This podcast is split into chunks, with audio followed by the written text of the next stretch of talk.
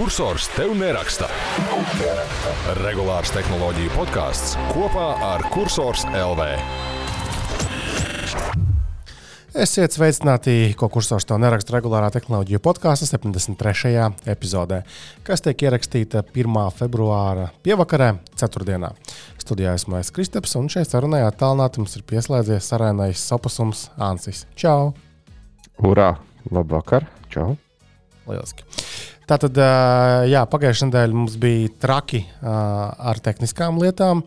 Pagājušajā nedēļā, ceturtdienā, mums bija arī ieraksts, un nebija iespējams pat ierakstīt šo interviju, kas bija plānota. Bet nu, tātad, pa šo nedēļu esmu pārinstalējis to framework laptopu, nonesis Fjodoru un uzinstalējis Windows uz tā paša kompja, uzinstalējot Windows 11 tā, tā rode, mm, roadcaster pults darbojas kā nākas. Mm, kad būs laiks, vispār būs jāpačakarējas. Var jau būt, ka tiešām bija, kā, kā es dzirdēju, vēl nedēļas gaitā pieņēmums, varbūt ar tām skaņas kartēm, tur kaut kādām tur iestatījumiem. Jo Linuxā viss jau ir nu, palielam mocīšanās caur visa veida iestatījumiem. Kā, tas, tas, tas, tas Fjodors man ir uz atsevišķa SSD pārskrūvēja palaidi, un tad nezinu, studijā ieslēdzies uz diennakti un mēģini dabūt pie dziesmas. Uh, jo Windows gadījumā viss diezgan darbojas. Joprojām es neesmu pie dziesmas dabūjis to pirkstnospiedumu lasītāju. Kaut kā viņš out of the box nedarbojas, arī ar visu to driveru uzstādīšanu. Man nepatīk, kā krāsas attēlojas, bet tas nav. Nu, Tas nav tā kā. Tā, tā ir Windows problēma vairāk. Windows vai arī framework kad nepiedāvā tos krāsu profilus kaut kādus. Nu, kā, citiem vārdiem sakot, tad, kad tu paņem jebkādu MacBooku, tas, tas displejs un tās krāsas ir mua, vienkārši puķa, košas, tādas, nu, ko vajag. Savukārt Windows pasaulē.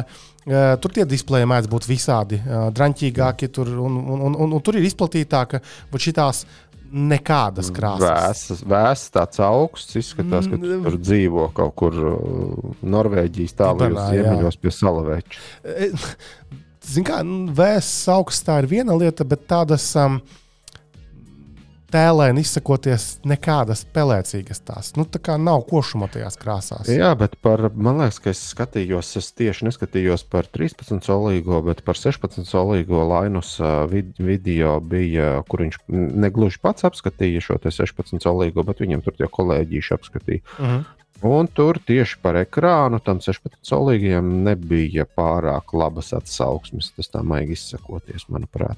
Jā, nu, jā, jā, jā ka viņiem, viņiem tur ir Uh, ja, ja tu sāc tur kaut ko mainīt, droši vien kaut kas ar, ar to apgāju, izgaismojumu, to backlightu.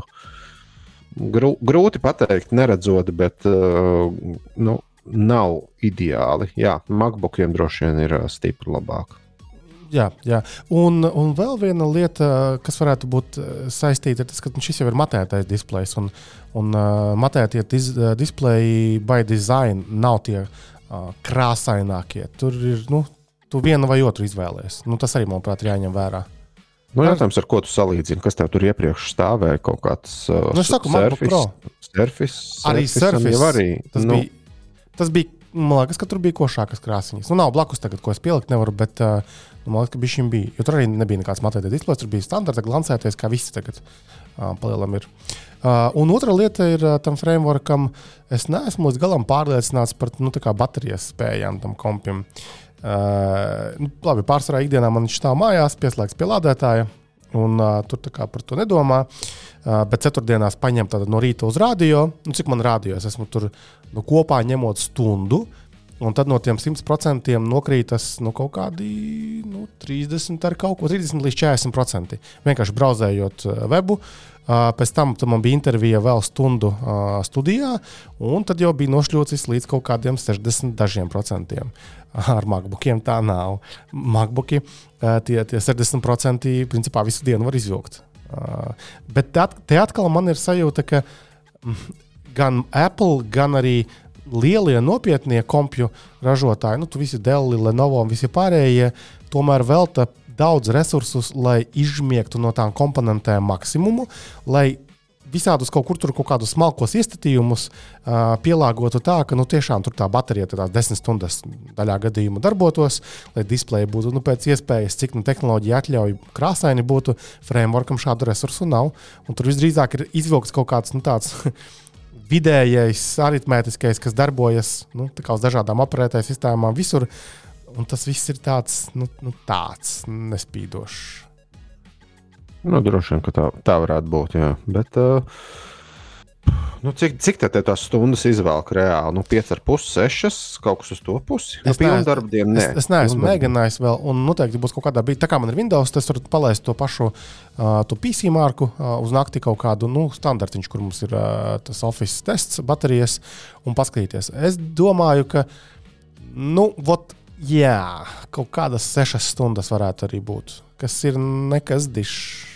Nu, bet man ir jāsaka, ka tāpat kā Mārcis pagājušajā reizē mums teica, ka viņam ir uh, kaut kāds HP. Viņš gan nenosauc, vai tas ir ProBooks vai EliteBooks. Mhm. -huh. Bet man ir uh, darba izdots uh, EliteBooks ar, cik es redzu, Core i5 Vepro 11. 11. paudzes procesoru, 14 solīgais. Un man ir jāsaka, ka es domāju, ka, ja es ierobežotu drusku procesoru jaudu, es 8 stundas izvilktu mm. darba dienu. Tu zini arī, cik baterija liela tev ir šīs um, stundas? Nezinu, nezinu, nezinu, nezinu. Man liekas, tas nav būtiski. Tas ir būtiski tik, cik tu vari izvilkt. Bet man liekas, ka es knapi izvilktu 8 stundas. Knapi. Jā, bet... Tad arī es domāju, ka man būtu tas ekrāns piezemēts uh, spilgtuma ziņā diezgan nu, varbūt neteiksim nekomfortabli, bet uh, zem tā, ko es ikdienā gribētu redzēt. Bet man arī jāsaka, ka arī nu, labi, HP uh, nav tas labākais piemērs. Jo, jo man ir tas, uh, tas, tas, tas ekrāns, kur tu vari pārslēgt, ka no sāna skatoties, tu viņu gandrīz neredzi vai faktiski neredzi. Kas tur privacy, kaut kas, kaut kas. Jā, tas par privacy screens vai kaut kas tāds, nezinu, kā viņš saucās precīzi. Noteikti ir jāievērāk. Jā, un, un, un tas arī piedod uh, savu pelēcīgumu, un ka tev gribas bišķi gaišāk to ekrānu iegriezt.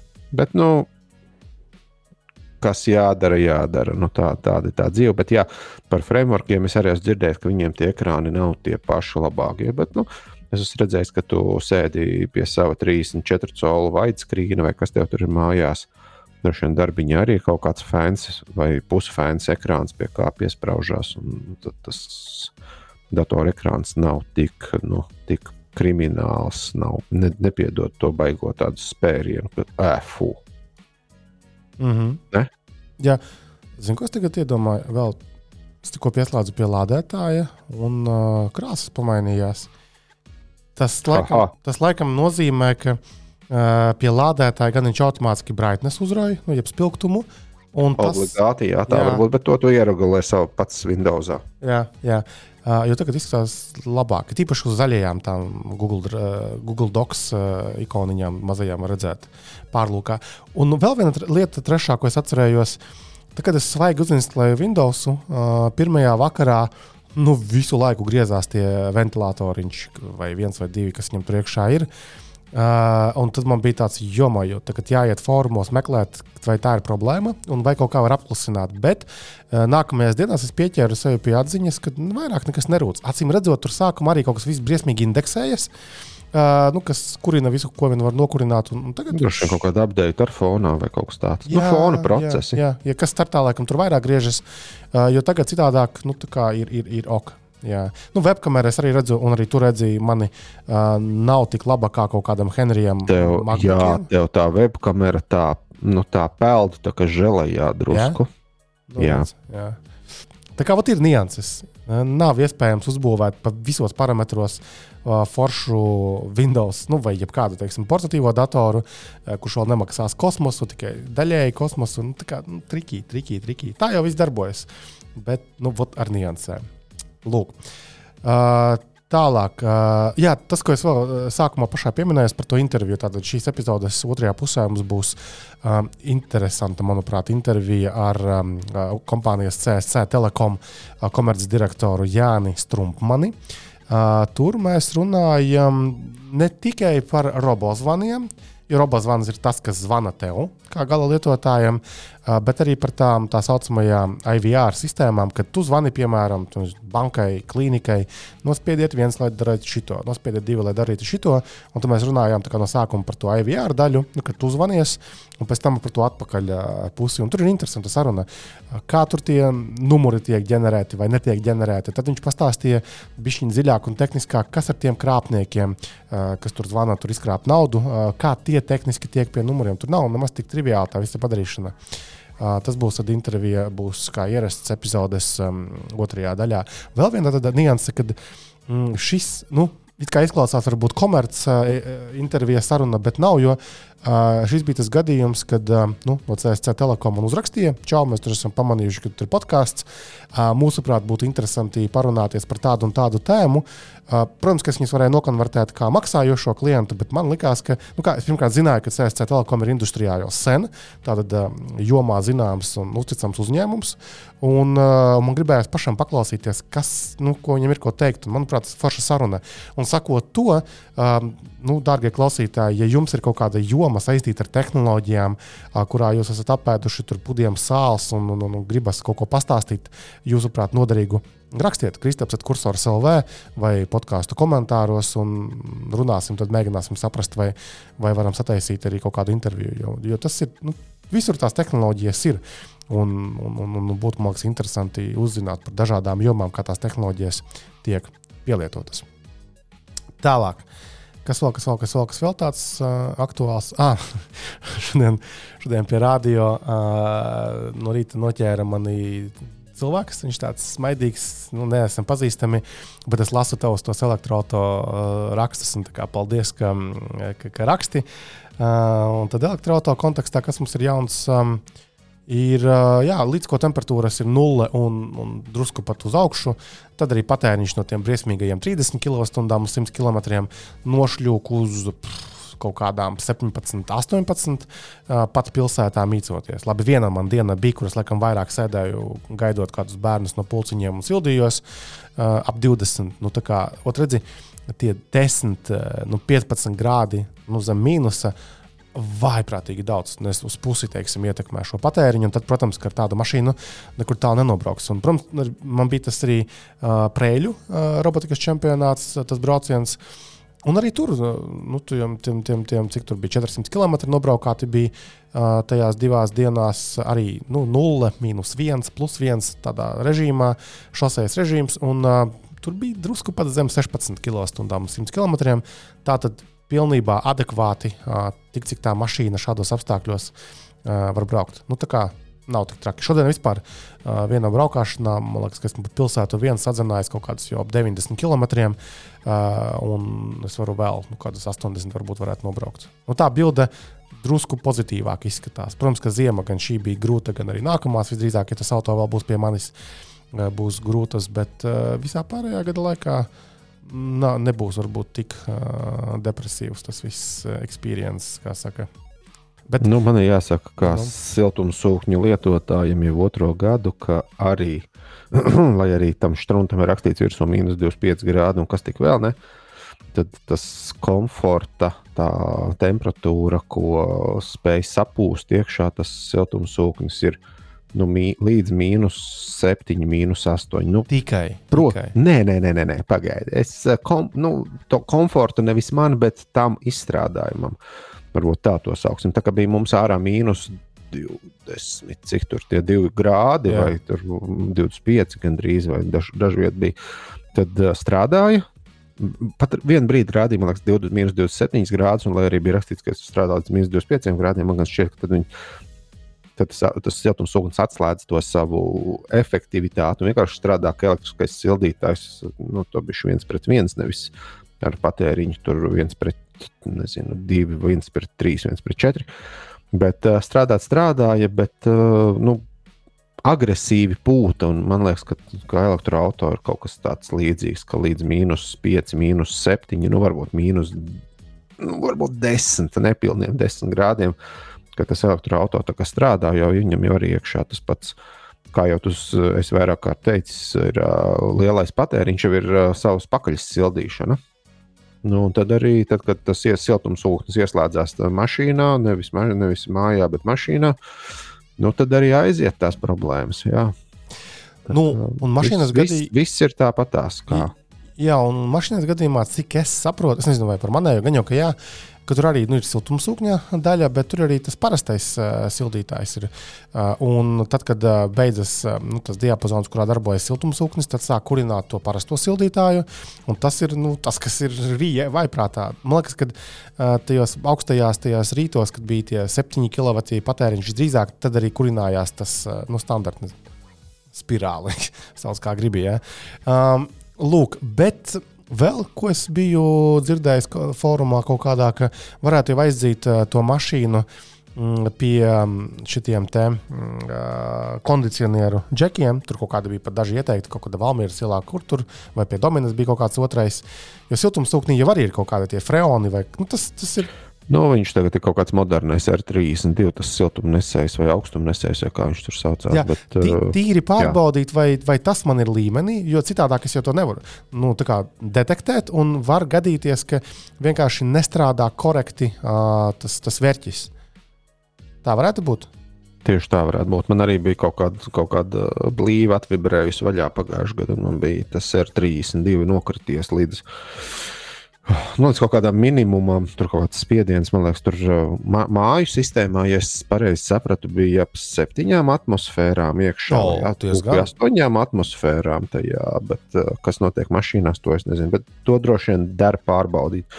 Jo tad, kad nav tas pietiekamais spiediens, cik es nopratu, es neesmu kāds eksperts, bet cik es nopratu, tad apsals tas siltummainis, vai kā, kā to var nosaukt, tas radiators. To es esmu redzējis. Ir... Nu, pat ne siltummaini, bet nu, tās metāla caurules. Jā, tā, jā, tā metāla caurule, kas ir ārpusē, kas uh, tā vienkārši apsals. Jā, jā, to es pamatīgi esmu apsaluši redzējis.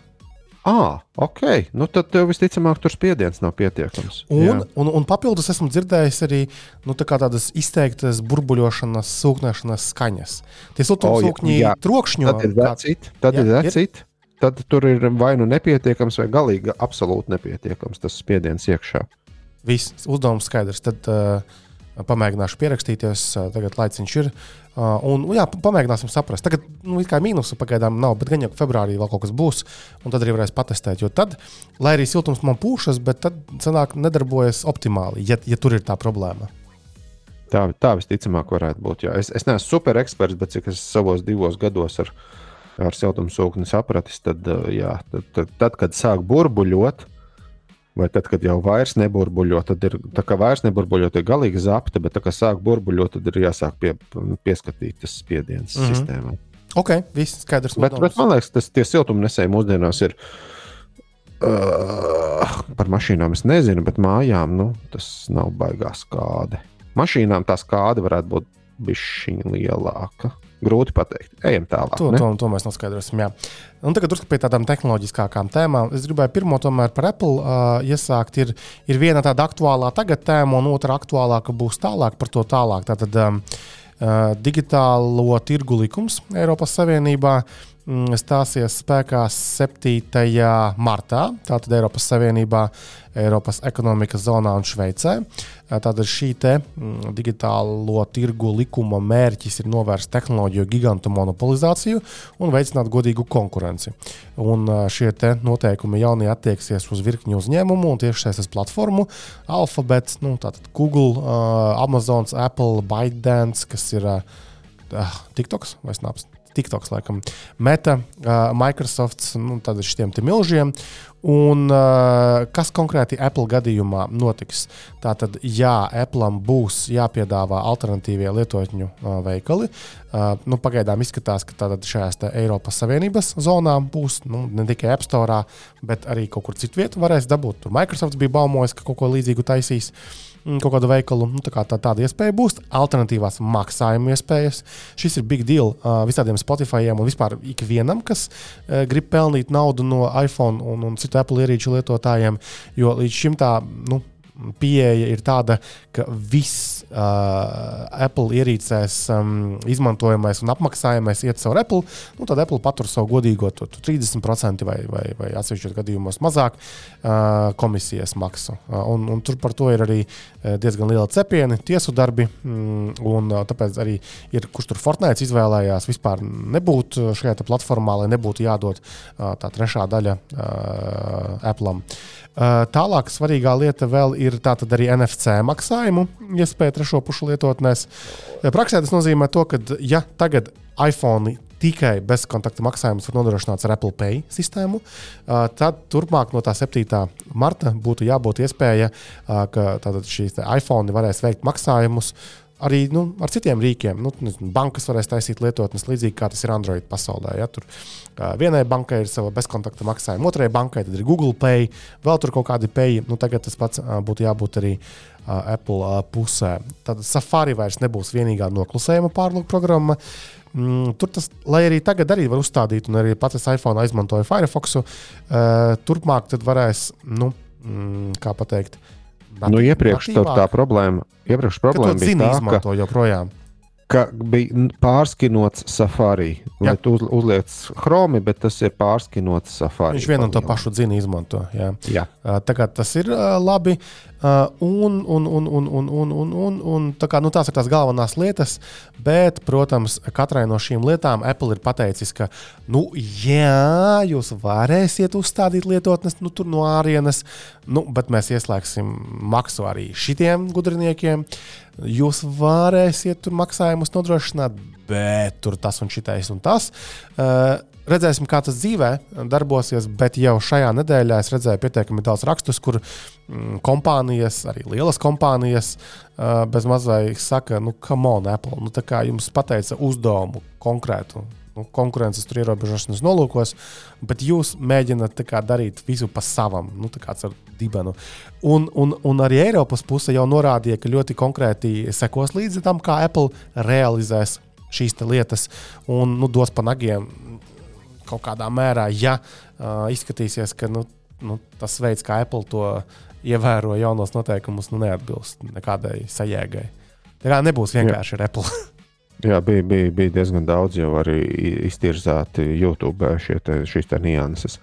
Tieši par norēķiniem, ko Apple tur mēģinās uzspiest, ka tas nosaukts ir par drošību, bet laikam Apple mēģinās tomēr palaist ar savu maksājumu sistēmu. Tur daudz ko Uh, bet tur nu, redzēsim, kā tur būs. Jo faktiski palicis mēnesis un nedēļa. Kā, tur kaut kāds piecas, varbūt nepilnīgi sešas nedēļas ir palikušas. Bet man liekas, ka tas, ko Apple grib, nav tas, ko Eiropa bija domājusi. Mm -hmm. nu, man liekas, ka Eiropa vēl paskatīsies un pakratīs ar pirkstu, un Apple nāksies tur bija pārstrādāt dažas nianses. Jo tie alternatīvie lietotņu veikali tur gali, galīgi, galīgi nav tā, kā, kā visticamāk mēs bijām iedomājušies, kā Eiropieši un kā droši vien Android lietotāji. Bet nu, redzēsim, kā tas viss izvērtīsies. Man liekas, ka tur Apple vēl dabūs bišķiņu iekšās no Eiropas. Kā tas beigsies, es nezinu. Bet šobrīd tas, ko Apple ir uzlicis, tos, tās latiņas, tur neizskatās labi. Jā, jā nu, lai, lai, lai darbojas vienā pusē juristi, otrā pusē juristi. Tālāk, nākamā tā aktuālākā Apple uh, lieta un jaunuma šajā nedēļā ir tāda, ka sāka saņemt pirmos kitus um, pircēji tiem Vision Pro vai apskatnieki. Kā tur bija? Viņi jau arī pirmie cilvēki. Tur kaut kā sāk nākt, tur bija, tur bija izlases cilvēki. Uh, tas Vision Pro, nu, tās virtuālās papildinātās realitātes brīvības, nezinu, kā sauc. Tur, uh, nu, Apple tur grib nosaukt kā jauno, nezinu, to computingu vai nezinu, ko tādu. Jā, jā, jā. Bet uh, faktiski tas ir uh, virtuālās papildinātās realitātes brilles, sauc kā gribi. Uh, un, un, un, un, ko es gribēju sacīt, uh, drusku aizmirsu. Uh, nu, jā, tur ir, ir šie te izlases cilvēki, kā piemēram mūsu draugs uh, Henrija fans, ne, bet uh, Henrijs ir viņa fans MKBHD. Uh, Markus Braunlijs ir dabūjis, ir Aijustīna dabūjusi. Tur vēl kaut kādā jā. jā, burtiski daži, nu, varbūt pieci. Es, man, manā, manā YouTube parādījās uh, Markus Braunlīs un Aidžustīna. Uh, un viņi pirms kaut kādām pāris dienām, mēs šodien ierakstām ceturtdienas vakarā, pirms pāris dienām, attiecīgi, man liekas, otrdienā parādījās unboxings, un vai šodien vai vakar parādījās uh, kaut kādi Markusa iespaidi pirmie par atsevišķām niansēm, kur viņš atļāvās izteikt par kaut kādu acu sekošanu un, attiecīgi, rakstīšanu to virtuālo tastatūru, kas ir tev uz, uz acu sekošanu, nezinu, kaut kādu infrasarkanām svariem, viņi tur tās acis seko. Ka tas īsti nestrādājot, kaut kas viņam vēl tur īsti nepatika. Es, godīgi sakot, nepaspēju noskatīties līdz galam. Bet, uh, vienmēr sakot, Apple ir atlasījis dažus, kuri drīkst, drīkst, es uzsveru, drīkst šobrīd kaut ko pateikt, gan labu, gan iespējams arī nedaudz sliktu par šīm brillītēm. Mm. Nu, tas, tas, kas ir ļoti uzskatām, ir tas, ka reklāmā bija uh, ka tad, kad tu esi uzvilcis tās brilles un tev viņas ir uz acīm, tad tev tā tās acis, tavas acis cauri spīd. Un displēņa rādās ārā. Jā. jā, bet tas, kas ir faktiski, ir tāda zilgana gaisma un tās acis tavējās nav tik redzamas. Bet, nu, kam on, man liekas, ja tur sāk, ja, ja tu sāc runāt ar cilvēku, tās brilles ir uz sejas, Tad tu nesaproti, kurš viņš, ir stulbs no viņiem. jā, viņš nenoņem tās brilles. Nu, tad, pirmkārt, nu, tur ir jāšauj pa zobiem, bet nu, nu, tā jau ir, piln, nu, tā ir necieņas izrādīšana pirmkārt. Tas ir maz tālāk, cik, cik, viņš ir, cik viņš ir ieslīdis tajās tehnoloģijās. Nu, tad volī tas. Yeah. Tas, tas, tā muļķa, tas viss, mēs esam klāt, mēs esam šeit. Mhm. Pasaule ir piekāpta un, un, un viss dzīvo virtuālajā realitātē. Es, es, at, es atceros, ka pirms kaut kādām nu, daudzām epizodēm mēs liekas, diskutējām, vai tas ir pieņemami un normāli runāties, ja tev ir ausīs tie AirPods vai jebkādas citas bezvadu austiņas. Un toreiz mums, kā veciem tādiem vecūkšņiem, jau likās, nu, ka nav ok. un tagad spainis uz galvas, nu, vai nezinu, snova brilles. Uh, vairāk izskatās, arī nu, nav cool. Eh, bet, eh, nu jā, pirmie apskati ir gaisā, Braunlijam un, visiem šiem lielajiem zēniem un meitenēm. Interesanti. Es arī Latvijas Twitterī redzēju, ka cilvēki prasa, nu, kad būs, kad būs kaut kur mūsu pusē, uz ko es gribētu vienkārši atbildēt, chill. Šīs, šī ierīce, es domāju, pirmajā gadā ir reāli, nu, ne mums, un ne jums. Tas ir principā lielajiem uzņēmumiem. Uh, vai kaut kādiem superkrutiem freelanceriem, lai radītu saturu nu, tām nākamajām paudzēm. Nu, kas tad, ja izdzīvos, svarīgs tiešām piebildē, ja šis koncepts izdzīvos un būs nu, kaut cik jēgpilns, nu, tad, jā, tas būs beidzot arī mums interesanti. Pagaidām nav jāraujas. Man liekas, nu, tas, nav, tas nav masveidā vispār produkts nekādā mērā. Jā, pirmkārt, dārgs, otrkārt, nepieejams, treškārt. Tas saturs vēl, vēl mums bija vismaz ziņa vai pāris par, par to, ka Netflix netaisīs vai šobrīd netaisa lietotni. A, tā viņi YouTube... arī pateica. Netflix arī pateica, ka tas ir tik ārkārtīgi ierobežotas pieejamības ierīce, ka čili, ko jūs kā vispār mums neinteresē. Nu, jā, ja tā platforma aizies, tad Tad arī nu, domāsim. Mēs redzēsim. Tad mēs redzēsim, kas tur būs. Jā, bet, nu, ja platforma neaizies, tad tā nebūs Apple pirmā, pirmā reize, kad viņiem kaut kas neaiziet. Labi, un tagad no saulainā Kupertino pārceļamies uz uh, Dūmakaino uh, Rīgu, kur kopā ar, ar sasalušo, ar, sasalušo jā, ar, ar, purvu. Ar ledu un, un, uh, un sniegu nokusušas ir arī ielas. Uh, un šeit arī bija ziņa, uh, tu biji atlasījis, uh, tā tad uh, pastāsti. Jā, bija es nezinu, vai mums bija, es atļāvos neizsekot, Mums, bet uh, kaut kādos LSM, TV netos un tā tālāk bija ziņa par to, ka Rīga labos bedres ar uh, mākslīgā intelekta iesaisti ieteikumiem un tā tālāk.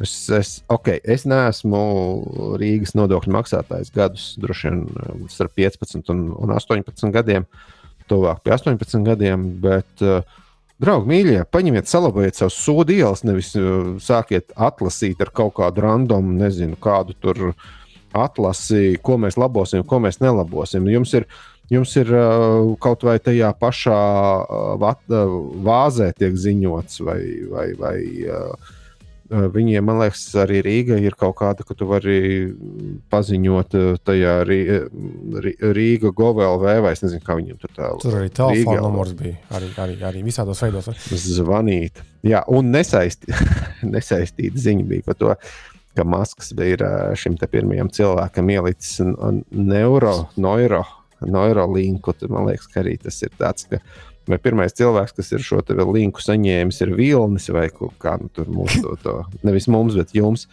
to priekšnieku sauc Rīgā. Nu, Pļāviens, nu, draugi, mīļie, nu, salabojiet savu sūdu, bedres aizķepiniet ciet. Nu, Bet tu papētīji, kā tehniski darbojas tas risinājums? Kurējais? Tas Rīgas vai Maskavas? Rīgas. Rīgas. es, ne, es nesapratu, bet man liekas, tas nav būtiski. Nē, ir. Jo, interesanti. Nē, nav. Jo, jo būtiski ir tas, ka bedra ir aizlāpīta, nevis kura bedra tiksla var būt lāpīta. Skaties, tā tad tur tajā rakstā, kas ir tiešām LSM, bija norādīts, ka viņi izmanto kaut kādu tur Vaisalas Road AI programmu, kas ar mākslīgā intelekta palīdzību skenē ielas, lai noteiktu, kuras ir labā vai apmierinošā stāvoklī, kuras ir nodalītas. Neviena. nu, lūk, un, un es arī papētīju, drusku atvēru to mājaslapu, tur, protams, mm, daudz viņiem to produktu tai kompānijai ir. Bet tā doma ir tāda, ka tev ir telefona lietotne, kas izmanto telefona kameru. Tu viņu kaut kur pieķibini pie stikla priekšā, braukā pa pilsētu, automātiski filmējas un analizējas saturs. To, ko tu telefons priekšā redz, un tad uh, mēģina atzīt, o, tā ir bedre, o, tā ir plaisa, o, ceļš beidzās. un, un kā, šitādā veidā mm, tiek iegūta informācija. Un man liekas, ka, nu, ja Rīgā tādas saulainas un krāsainas dienas, kad spēj atšķirt bedri no nezinu, nebedres, ir tik maz, kā, tumsā, kā, kā es ar savām acīm braucot, nevienmēr saprotu, tā, tā ir bedra vai tas ir kas. Kāds vēl mākslīgais fucking internets, fuka intelekts. Uh, tas ir uh, jā, viens. Un otra lieta, kas bija tajā mm, tekstā, uh, viņi, nu, tur, tur bija tā tad. Uh, Rīgas domas ārtelpas un mobilitātes departamenta direktora pienākumu izpildītājs Jānis Vaivots. Uh, viņš arī sacīja, ka ir divi veidi, uh, kā var ziņot. Ir viens bezmaksas informatīvais tālrunis - 8000, 3600 un veids. Un tas man beidzot saslēdzās, jo es pēdējās nedēļās sāku manīt, ka veizā reāli ir ārkārtīgi daudz tās bedrītes, un brīžiem tu pat neredzi, kurš ir ceļš. Bedrīte, bedrīte, bedrīte, bedrīte, bedrīte visi tie bežiņi, un, un es nevarēju saprast, kāpēc visi pēkšņi atzīmē bedrītes. Un tas, laikam, ir izskaidrojums, ka it kā ir radīta sajūta, ka kāds ņem vērā tās informāciju. Ok, labi. Es, eh, es neesmu baigi biežais braucējs, kā Kristaps. Es nerulēju 90 km darba dienā. Es rulēju varbūt 35 km pa abām brīvdienām, nu, Rīgā. Uh, bet man jāsaka, ka nebija tik traki. Ok, es izbraucu pa, mm, nu, kā to sauc, ne krastī, jā, krastī ielu, pa krastī ielu, tur bija Tā kā pie aiz Lido virzienā, tā kā uz Daugavpilī bija nu, bedres atzīmēts, bet nebija tik traki, un kaut kur vēl es uzdūros uz bedrēm. Nu, tas tāds varētu būt Kristapa maršruts uh, brīvākā laika posmā, kad nav jāskrien uz bērnu dārziem pakaļ. Bet nebija tā, nebija tik traki. Nebija tik traki. Es gan braucu ar uh, 16 colu uh, ratiem uz diezgan, diezgan augstas mašīnas. Es, es cit, citkārt esmu bijis diezgan skeptiskāks, bet nu, pavasaris vēl arī nav atnācis. Ir bijis mazs atpūsnīts, droši vien tā to var nosaukt. Mm -hmm. Es pagājušā nedēļas laikā dabūju krūvi. Uh, vienā ritenī no rīta. Nu, tur, nu, tur nu gan vilnis nav pie vainas. Ko tu zini? Vai vīlis, vai kā? Ko tu zini? Varbūt viņš braukā un kaisa tās skrūves. To droši vien vietējais auto mašīnu, servisu. Jā, montēšanas servisu to kaisa. Vispār, jā, kāpēc ne? Bet nu, labā ziņa ir tāda, ka uh, es pamanīju samērā laicīgi. Uh, servis bija blakus pie mājas, kur es tur aiz, aizripinājos. Un, uh, ar diegu visparastāko tika galā pagaidām vēl nedēļu un turās. Tad nozīmē, ka arī turēsies tālāk. Jā, nu tie, tie diegi jau turās. Nu, it īpaši šādā te uh, tur riepas centrā pa lielam uh, ar, ar skrūvi. Nu, tur nav nekādas gudrības. Uh, lūk. Ok, mm, vēl par, uh, par mākslīgā intelekta lietām bija Itālijas pilsēta Trento bija atrāvušies sodu, uh, jo viņi arī bija gudrinieki izmantojuši mākslīgo intelektu kaut kādos pētījumos. Uh, bet tur tā interesanti, acīm redzot, um, Mm, nebija juridiski korekti viss sakārtots un, un izmantojot šos rīkus. Tas visdrīzāk, tur chat GPT visdrīzāk bija izmantots, kurā bija iebaroti kaut kādi pilsētiņas iedzīvotāju dati, un tad viņi atrāvās pēc, pēc, pēc GDPR nopelniem, cik es saprotu, un tur, tur tas 50 tūkstoši eiro sots. Tā kā jābūt uzmanīgiem, nu, jo nu, it kā gribas izmantot šādus rīkus vai tādus, bet nu, joprojām tā spēkā ir visi šie te, nu, personu aizsardzības likumi, direktīvas. Tas viss ir jāievēro. Nevar gluži grūti jebkurā sūdā iekšā. Bija arī, bija arī aicinājums šajos mākslīgā intelekta veidojumos nekopēt iekšā savas paroles. Arī tā dara? Formātā. Kā lūdzu? Arī tā cilvēki dara. Nu, arī tā, acīm redzot, cilvēki. Tas bija kaut kas šonadēļ, es palaidu fiksā, tādu acis pāri, bija kaut kāds aicinājums. Nu, nekopējam savas paroles nekur iekšā. Uh -huh, uh -huh. Ok, um, labi. Uh, vēl, ja mēs par to mākslīgo intelektu, mēs, tā ir aktuāla lieta, uh, par to mēs arī runājam. Un uh, Taylor Swift. Mm, tā tad kaut kādi gudrinieki. Oh, jā, tur beidzot mēs ķeramies pie lietas. Tur redzēja tās bildes. Saku, Nē, es, neredz, es neredzēju. Ne.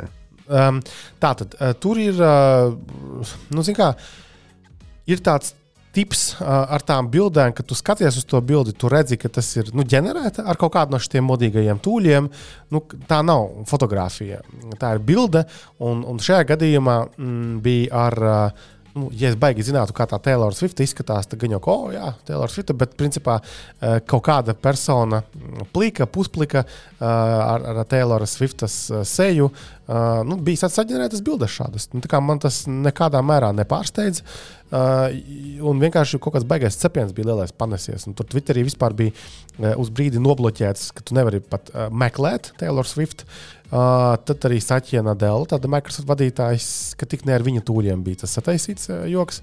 Arī kaut ko tur mēģināja skaidroties, nu, nē, ka tas nav baigi cool. Uh, tad ASV kongresā tur bija kongresneņi kaut kādi kāpēc tas vispār nav federālais noziegums. Ja? Nu, tā, nav, tā nav labi darīt. Ja? Un uh, baigais hais. Redzot, kādam populāram cilvēkam sataisa šādas bildītas, un uzreiz kaut kāds megacepiens sākas. Kā, kā tu vērtē? Mums, mums nevajag uh, mūsu Discord serveri uztaisīt konkursu par Kristapā šīm ģenerētajām bildēm. Nu, par Kristapu. Taisiet. Oh, ja, ja tas kādu baigi. Sataisiet man kaila foto elektroautorā manā. Nu, aiziet uzdevums. Lūk, uh, kā, tā, kā, kā tu to vērtē? Tā ir problēma vai tā nav problēma? Vai tā būs problēma, vai tā nebūs es, nekāda problēma? Es par, par, par tieši par konkrēto mākslinieku es neesmu redzējis šīs bildes. Bet ir uh, ik pa laikam Facebookā ir jau uzpeldējušas iepriekš ar, ar, ar visādi. Nu, ka, ka ir pilnīgi skaidrs, ka ir galva pieģenerēta. Nu, ok, nu, redzami, ka ir nu, tās ķermeņa proporcijas nepareizas. Nu, tādā ziņā, ka, ka tur tievāks vai resnāks par, par reālo personu. Bet uh, ir, jā, galvas ir pielīmētas pie pusplikiem, plikiem ķermeņiem. Tas nav nekas, manuprāt, ne unikāls, ne jauns. Kādreiz taisīja sliktāk, tagad mākslīgais intelekts taisa labāk. Bet, Bet tās vēl nav fotografiju līmeņa. Piedod, ko? Bet, bet tas vēl nav fotografiju līmeņa. Tas, nē, nē, tas ir diezgan tuvu fotografijas. Nu, tas, tas viss izskatās tāds drusku. Es neesmu kāds eksperts. Es atļaušos uzsvērt šo te, lai nav pārpratumu. tas viss izskatās tāds drusku tāds tā kā miglains, tāds tā kā pasaku tēlu, tāds, nu, tāds nepārāk konkrēts, bet ir. ir. Tur to pliko pakaļ var pie tās galvas vai pie sejas pielīmēt diezgan ok. Nu, pa vidu tur ir ķermenis, protams. Un, un, un, un, un, un. Nu, redzi, mm, no rīta rādījumā mēs arī tur runājām, un tur uh, baiba, kamēr slēpo, tur bija viņas aizvietotāja nu, Maija Rozīta. Uh, un, un, un viņa teica, ka, nu, ka viņa uzskata, ka tas ir big deal. Uh, nu, šāda veida mm, lietas. Vai, vai Maija pati nav pasap, pasabījusi kādā uh, kluba žurnālā vai kaut kas tāds? Nē, nu, viena lieta ir, ka tu ar tavu piekrišanu šādas lietas notiek, un pavisam kas cits, kad uh, kaut kas, uh, nu, kaut ko randomā, kaut kādi gudrinieki. Jo, labi, pa, pa, patinām bišķiņu bildu uz priekšu. Skaidrs, ka tagad uh, liela daļa mm, lietotāju, nu, cilvēku, nu, spēj uzreiz kaut kā pamanīt, ah, šī izskatās pēc īstas bildes, šī izskatās pēc kaut kādas tur, nezinu, zīmējuma, kaut kāda un tā. Un tas ir kaut kāds salīdzinājums, nezinu blociņā paņēma, uzzīmēja to pašu Swiftu. Ja? Bet kaut kādā brīdī tās tehnoloģijas nu, kļūs ar vien labākas, un tās bildes kļūs ar vien fotoreālistiskākas. Nu, es nedomāju, ka līdz tam ir jāgaida baigi tālu. Un tad gan uh, kaut kādā daļā gadījumu nu, tas var patraucēt kaut kādai karjerai, es nezinu, jo daļa cilvēku noteikti uzķersies. Uh, Un, un, un, un tas pirmais iespējas, kas viņam tur būs, visdrīzāk arī paliks. Nu, tur tā problēma. Nu, tu jau pēc tam nevarē, vairāk nespēsi pierādīt, ka tā nebija patiesībā tava bilde uh, nu, vai video. Jo arī video var ģenerēt šādā veidā. Tas būs problēma. Un patinot vēl tālāk, kaut kādā brīdī gan jau arī par to būs sodi. Vienkārši, manuprāt, analoģija šeit ir ar, ar kripto pasauli. Uh, Pirms dažiem gadiem bija tas superlielais uh, hais un sajūsma, ka, o, visi kripto tur tokens šitāds un tokens tāds, un, un bija tāda sajūta, ka, ka valda pilnīgākā anarhija. Tur cilvēkus krāpjas pa labi un pa kreisi. Mm, katru dienu tur visādi shitcoini rodas. Tagad, uh, 2024. gada sākumā, mēs vairāk varam lasīt, kad opiedziesmas paņemts šitāds gudrinieks. Tad tur um, kaut kādā melnkalnē slēpjas cits gudrinieks, ja, kuru tu gribi izsūtīt vai negribi izsūtīt. Uh, tad tur amerikāņu skrulēnītis ir uh, cietumā iebāzts. Ja. Tā joma kārtojas. Tur reāli sodus cilvēki dabū cietumā, cilvēki ies un naudas viņiem atņem. Man ir kaut kāda tāda patīkama sajūta, ka tas pats viss notiks ar šiem visādiem AI gudrībām. Nu, agrāk vai vēlāk sakārtosies. Neviens nav ieinteresēts dzīvot bardakā, neparedzamā pasaulē, jo tu nevari pelnīt naudu, ja tev ir neparedzama pasaule apkārt.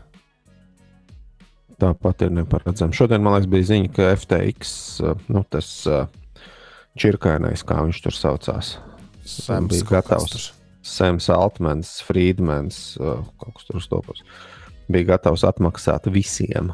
Uh, visiem nu, nezinu, sarunas karstumā. Viņas nosaukšu par investoriem, bet investoriem viņa nauda. Nu, haha, gaidiet ar maisu. Jā, Tur viss, viss sen ir nodzerts, nošņaukts un uh, notērēts prostitūtās.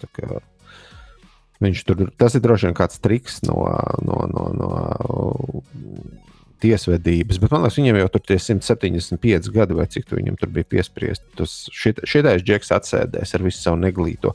Kā var būt tik daudz naudas un tik neglīta draudzene? Jūs man izstāstiet.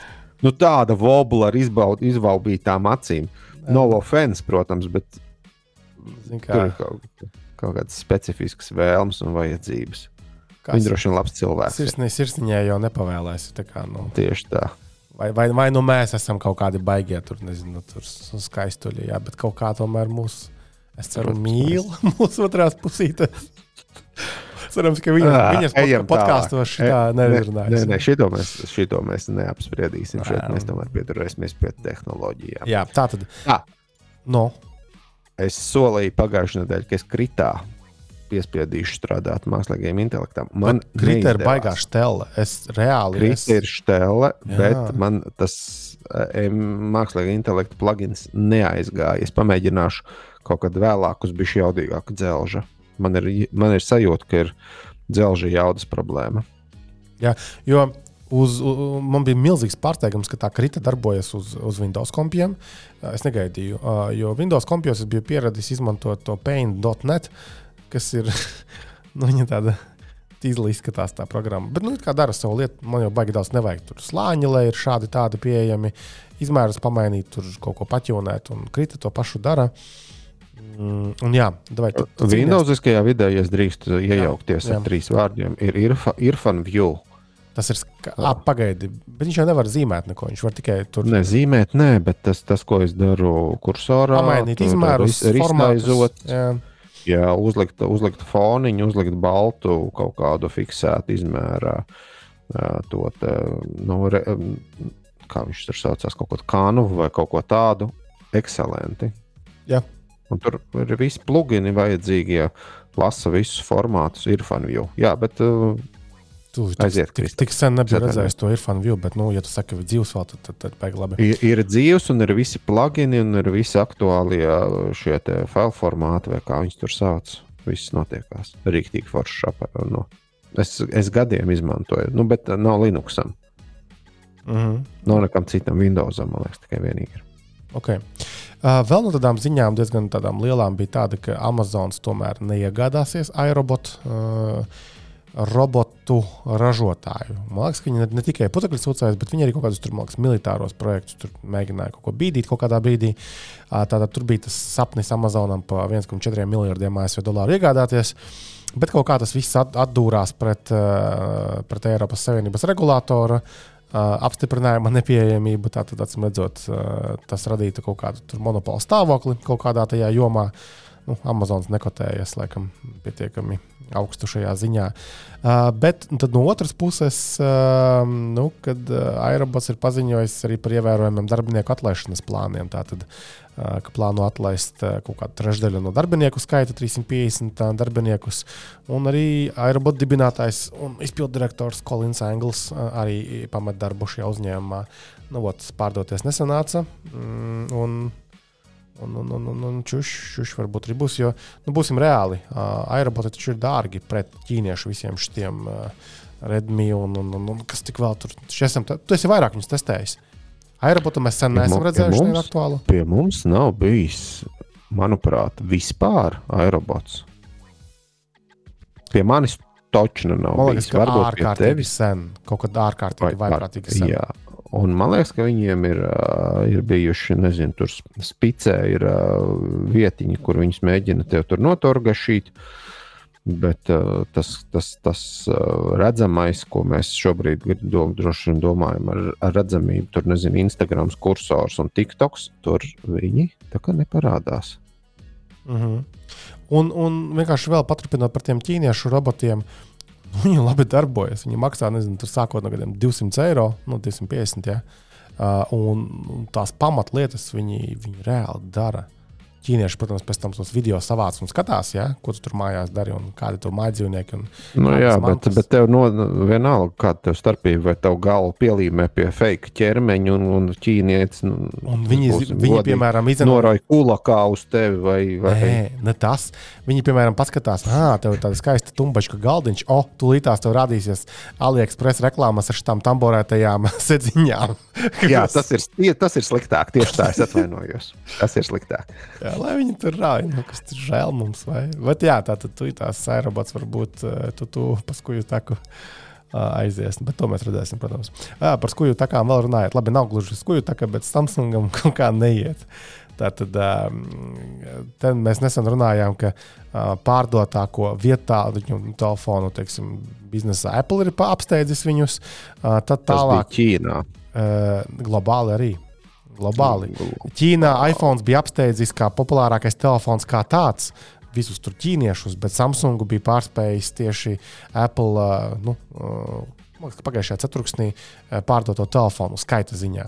Tas pirmo reizi, cik tur 11 gadu laikā, kā nu, vaiprāts. Un tagad Samsung bija izziņojis arī savus finanšu rezultātus, no kuriem zīmīgākā lieta bija tāda, nu, jā, nu, ka viņiem ir samazinājušies pārdoto uh, produktu daudzums un uh, būtiski samazinājies operating profit, respektīvi peļņa.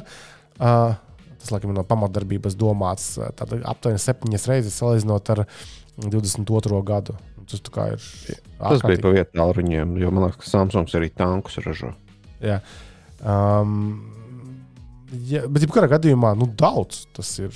Labi, tur, protams, man liekas, ka lielā mērā mm, tieši ar tām komponentēm viņiem tur bija tās problēmas. Kaut ko viņi arī, tas komponentu bizness bija, laikam, kaut kurā momentā bija baigi dārgi, kaut kādi baigie ieguldījumi bija jāvelta, un tad vienkārši būtiski samazinājās pieprasījums, un tad viņi tā kā paliek, man liekas, ar tiem milzu naudu ieguldītu, bet nav kur pārdot tos čipus.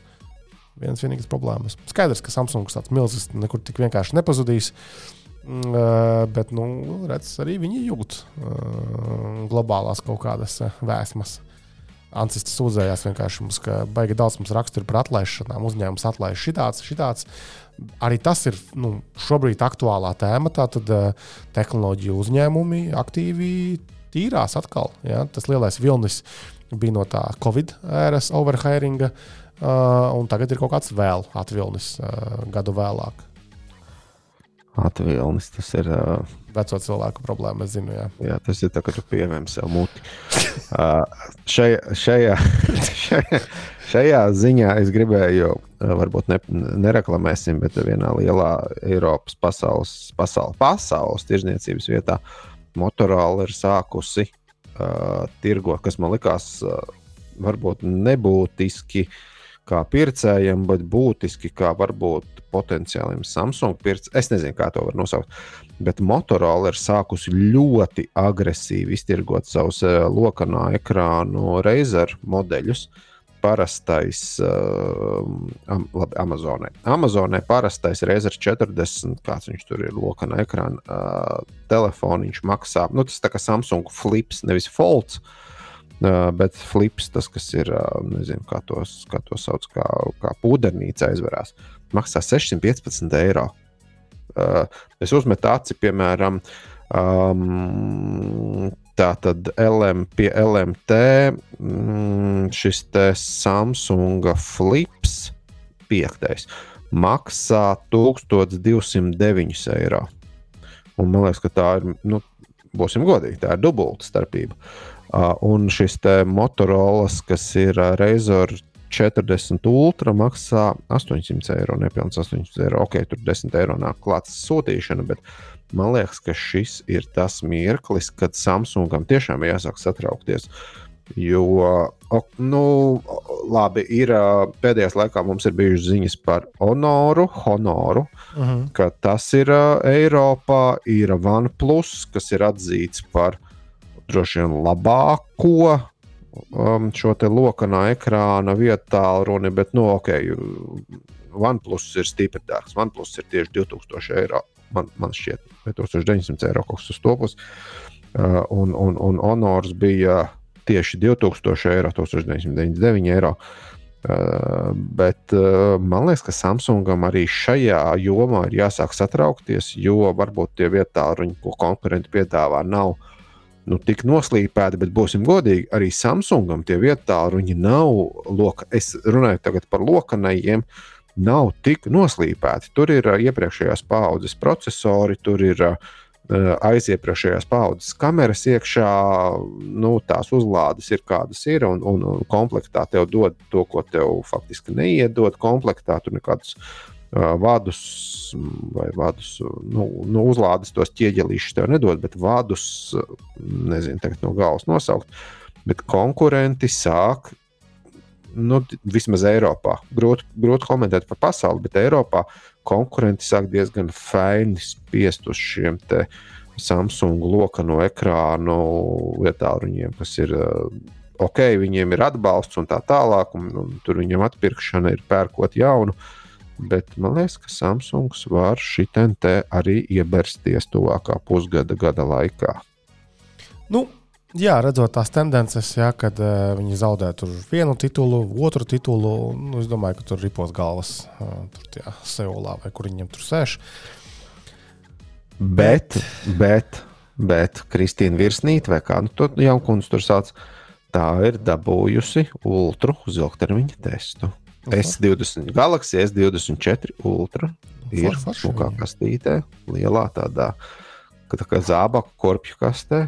Kas interesanti. Šodien parād, es, parādījās. Uh, mums bija diskusijas ar šo te um, L. Normos uh, Strasdiņu Elvi. Uh, viņš tur tā kaut ko Twitterī rakstīja, ka, nu jā, vot 31. Tātad, janvārī, vot, beidzot varēšu runāt par kaut ko, kaut ko. Tad mēs tur padiskutējām, padiskutējām, un tad beigās man bija saprotams, hmm, ka viņam ir embargo. Uh, uz ko embargo? Nu, kā, kas, kas par gadžeta jaunumiem, par ko es nezinu, uh, 31. janvārī kā, ies gaisā un kas varētu būt viņam, bet nu, kā, kas mums kā, nav zināmas. Tad beigās noskaidrojās, ja, ka, ka, ka, ka viņam uh, Samsungs bija embargo uzlicis. Uh, tad sagaidījām to 31. datumu. Tad, skatos, tur zeltiņam sāk parādīties, ja tur nezinu, varbūt virsnītē, vēl tur kaut kādiem šiem visiem influenceriem.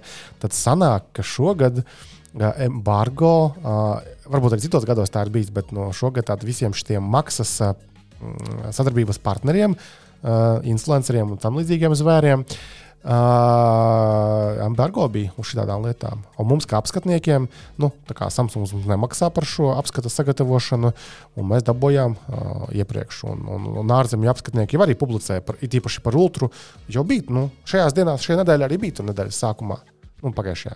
Un um, tā kā kaut kāda interesanta nianses. Šo es nebiju tā pamanījis. Man kaut kā vienmēr likās, nu, iedod viņam tur tās kastes un miers, bet, nu, nē, tur kaut kādi ir ar līgumiem pilnīgi.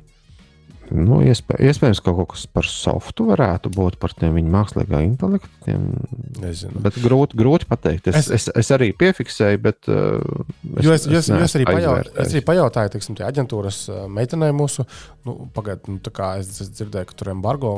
Mums arī ne, nav nekā tāda. Mēs arī nevarētu nekādu embargo ievērot šoreiz, jo, kam on, apskati gaisā jau ir ārzemēs. Nu, mēs taču nevaram buksēt šajā ziņā. Kāda jēga mums no tā telefona? Uh, Tas ir viens, un otrs, es biju nepatīkami pārsteigts par, par to slinkumu šo influenceru. Es tā pausu galam dzirdēju, cik varētu maksāt mūsdienās influenceriem par. Tad es dzirdēju cenas, ka, nu, principā, influenceris Latvijā var arī štuku un vairāk, ja 1000 eiro paprasīt par vienu rīlu Instagram. Tur, protams, ir kaut kāda pāris vēl storija klāta, kas, laikam, pakustina to rīlu. Uh, kaut kad pirms dažiem gadiem es kaut kā dzirdēju, ka nu, tur 500, 700 par vienu tādu video. Tagad tev ir nu, paskatās, 1000. Lietuvā vispār runā, ka nu, tur auditorijas vairāk, lielākā ir nu, arī 3000 par vienu rīlu var dabūt. Tā kā, nu, tas arī tādam nu, zināšanai paņemam. Uh, bet es biju pārsteigts par to slinkumu. ir, ir labi redzams, ka tie cilvēki, nu, tie influenceri, nesaprot, kas ir tas, kas viņiem iedodas rokās. Uh, Un katrs kaut kādā savā stilā, nu, kas nu raksturīgs ir tam katram uh, influencerim, nu, mēģina pasniegt nu, to ierīci. Nu, tas bija kaut kā, kaut kā man liekas, ka ļoti slinki šogad viņi darbojas.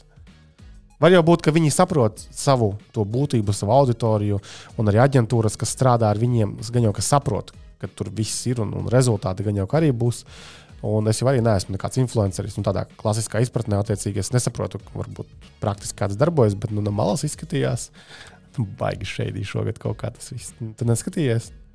Mm, es, nesu, es, es tā nevaru vaļā to Instagram tik ļoti. Bet, eh, jā, ar, ar, ar Elvisu Strasdiņu es jūs to sarunu redzēju Twitterī, mm -hmm. X. Uh, un šo, jā, laikam, liekas, pirmajā datumā šodien par, sāk parādīties uh, no Latvijas influenceriem par uh, S24 Ultra. Kas vispār notiek ar tiem pārējiem S24? Tas e... mums nebija atsūtīts pirmkārt. Otrakārt, tie ir kā, tiem, kas ir S24 un S24, plus, tā tad tiem nav. Exynos uh, ir. Ir tikai Exynos, jā. jā, nav Snapdragons. Pirmkārt, otrkārt, ir apaļie ekrāni, nevis plakanie ekrāni, un ar apaļiem stūriem. Uh, Ultra ir kantaini stūri, kas uzreiz izskatās nu, kaut kā citādāk, labāk. Cit, nu, es nezinu. Nu, vispār tā ultra dizaina ziņā ļoti atšķiras no tiem pārējiem. Pilnīgi, jā, jā. Un, un, un šis te, kā, kā tur to materiālu sauc, uh, titāns. Titāns jā, ir tikai jā, ultrai. Jā. Atbildot uz tavu jautājumu, man ir tātad, uh, es pajautāju mm, aģentūrai, vai varētu atsūtīt uh, nevis plusu, bet tieši to maziņo. Jo mums vairāk lasītāji komentāros pie otras apskatu norādīja, sataisiet lūdzu apskatu mazajiem. Un aģentūras meitene arī solījās, ka tad, kad viņi dabūs to ierīci atpakaļ no kaut kā, mm, tad arī atsūtīs mums. Tad, respektīvi, ir paredzēts mazajiem. Gribi tu testēt šoreiz? Gan jau, ko gribi. Jā, ok, tad uh, varbūt uh, varētu. Mazo varētu paņemt, jo man liekas, arī man pagājušajā gadā bija uh, mazais iedots. Man simpatizē. Bet vienīgā, vienīgā atšķirība tā. Jā. Ah, nē, Keitijai bija mazais, man bija tas pluss. Vienīgā atšķirība starp plusu un maziņo bija tā, ka nevarēja savu BMW atslēgt attālināti ar to ah, kaut kādu ultra to īsviļņu pārraidīšanu. Ultra wideband tur kaut kas, jā. Jā, jā, jā. Bet noslēdzot šo bloku, tad nu, atkal lūgums nepārprast. Katrs dara savu darbiņu. Nu, es negribētu teikt, ka influenceriem viegli ir arī dabūt nu, to rīlā iespēju uh, vienkārši nu, mēs izsakām savas domas. Nu, tā ir tā mūsu būtība. Tieši tā. Katrs dara to. Ja tev galva būtu pielīmēta pie plika ķermeņa, tad būtu vienkāršāk. Ņemiet to vērā. Mm, bet par to pašu Instagram. Tātad, um, es nezinu, kāpēc, bet agrāk man Instagramā baigi daudz rādījās uh, pupainas meitenes. Bet tagad esmu pārtrenējis algoritmu, kaut kā es pēdējā laikā skatos, nu, tur rīcinu to, to, to oh, kaķītis, čūku aizsūtu sievai. Un to, Tas ir uh, veti pusī, vai tas ir tiešām kaķītis? Vienkārši. Kaķi. Dažkārt viņi mēdz būt slapji, bet nu, kaķīši kā dzīvnieciņi. Ja? Uh, un tā nedēļa patrenē to Instagram, un tagad man beidzot normāli rādās tie tikai kaķi visāda veida. Tādi kaķi, šitādi kaķi. Principā diezgan daudz smieklīgu kaķu. Uh, tā tad diezgan labi notrenējams ir. Nu, es teiktu, absolūti uzvara. Jā, tur viennozīmīgi. Zinām, vēl ir uzvara. es nespēju iedomāties kaut ko labāku. Ilonam Maskam un Teslai. Tātad izrādās, atkal kaut kādi tur, uh, atsevišķiem mm, pētījumi, tur apskati vēl vis kaut kas, ir sarēķinājuši, ka uh, pagājušajā gadā uh, Tesla Model Y ir bijis vispārdotākais uh, auto nu, modelis pasaulē. Jo tātad pasaulē ir pārdoti 1,23 miljoni Tesla Model Y, šie elektriskie crossoveriņi. Otrajā vietā ir nu, labi zināms auto, kā RAV4 Toyota ar 1,07 miljoniem. Un trešajā vietā ir Toyota Corollas. Tur laikam ir vairākas sakombinētas kopā, jo Corollas ir visādas, un tās ir 1,01 miljonus nu, vienību. Kā tu vērtē šo te vareno Ilona Maska sasniegumu? Uh, man tās nolaizītās Teslas, tādas tā kā pasūkāta ledena, man viņas nepatīk. Viņas man nepatīk. Man, man, es, jā, mana sieva jau ir noklausījusies. Viņa bija kaut kādu laiku palaidusi garām uh, mūsu podkāstus, bet tagad viņa noklausījās un teica, ka es, es esmu tas, kas ir tas skopais un nabadzīgais. Bet man jāsaka, ka arī uh, Teslas ir. Nu, es runāju par mūsu tirgu pirmkārt nepieejamas, otrkārt dārgas. Un tas, ka kaut kāds menziņš ir izbraucis ar Teslu līdz Tālinai. Priekulai vai Vansīņš zina, kur. Jā, viņš līdz Igaunijam bija aizbraucis uz to pusi. Uh, nu, ok, tā mašīna maksā 68,000 eiro vai kaut kas tāds, sākot no, sākot no un tikko tu negribi, lai tev ir uh, taburete un, un ir apsilde un ir stūra tajā mašīnā, tā viņi tur maksā 80,000 eiro un vairāk. Uh, bet mani šī statistika, es teiktu, ka neaizrauja. Jo man, man tās mašīnas nepatīk, bet uh, par Toyota pārspēju, ja mēs runājam tieši par Toyota pārspēšanu, tad tas šķiet uh, pasaulē diezgan hmm, nu, labs mārketings. Labs mārketings ir uh, Ilonam.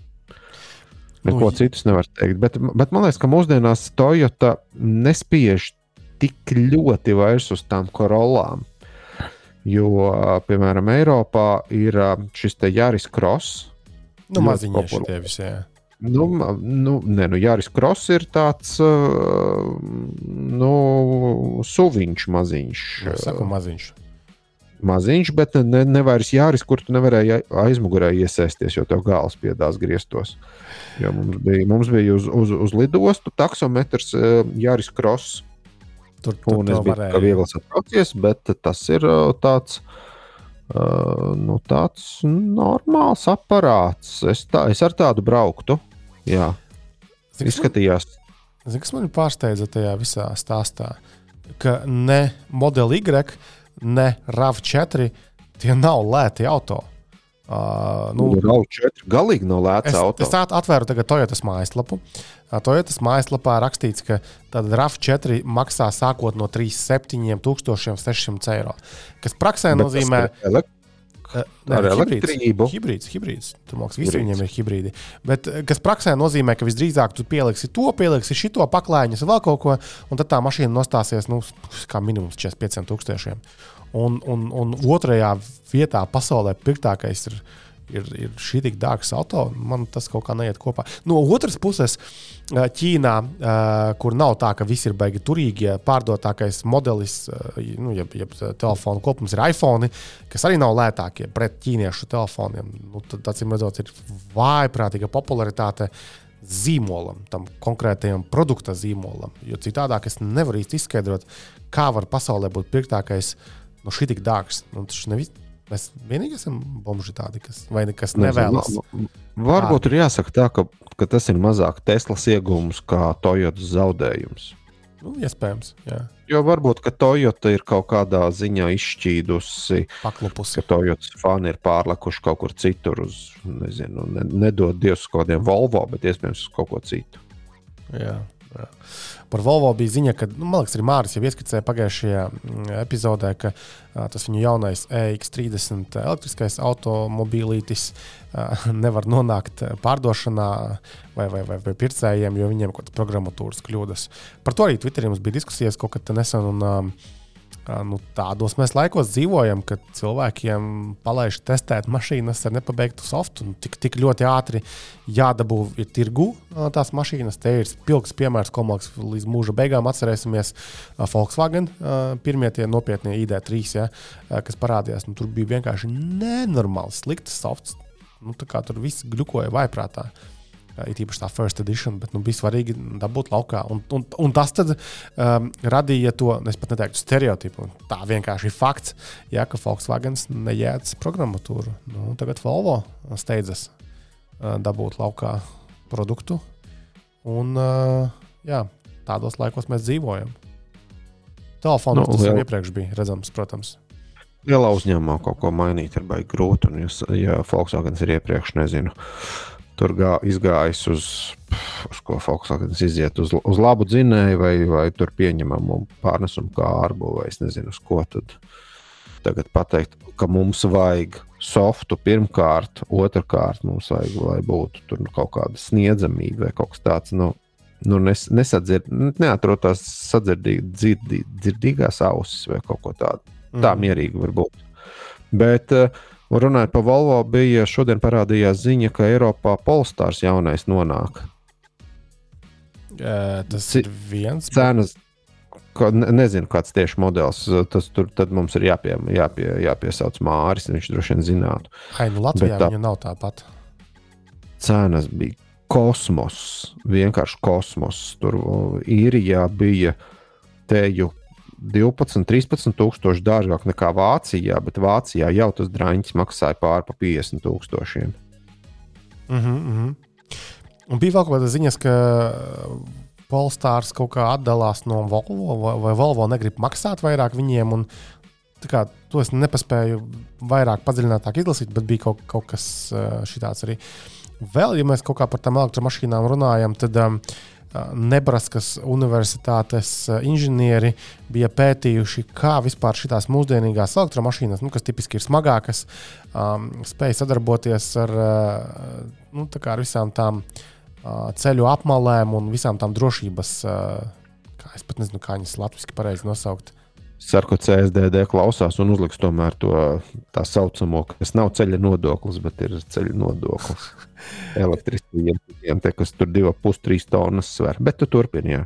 Nu, respektīvi, tur tas stāsts bija par to, ka, mm, ka tās elektromašīnas ir smagākas, un it īpaši, kad par, sāk parādīties ar vien vairāk šie pikapi elektriskie, lielie elektriskie suvi, nu, jeb, jeb, jeb džipiņi, tā vienkārši runājot, ka viņi ir būtiski smagāki par parastajām mašīnām, kas aprīkotas ar iekšzemes dzinējiem.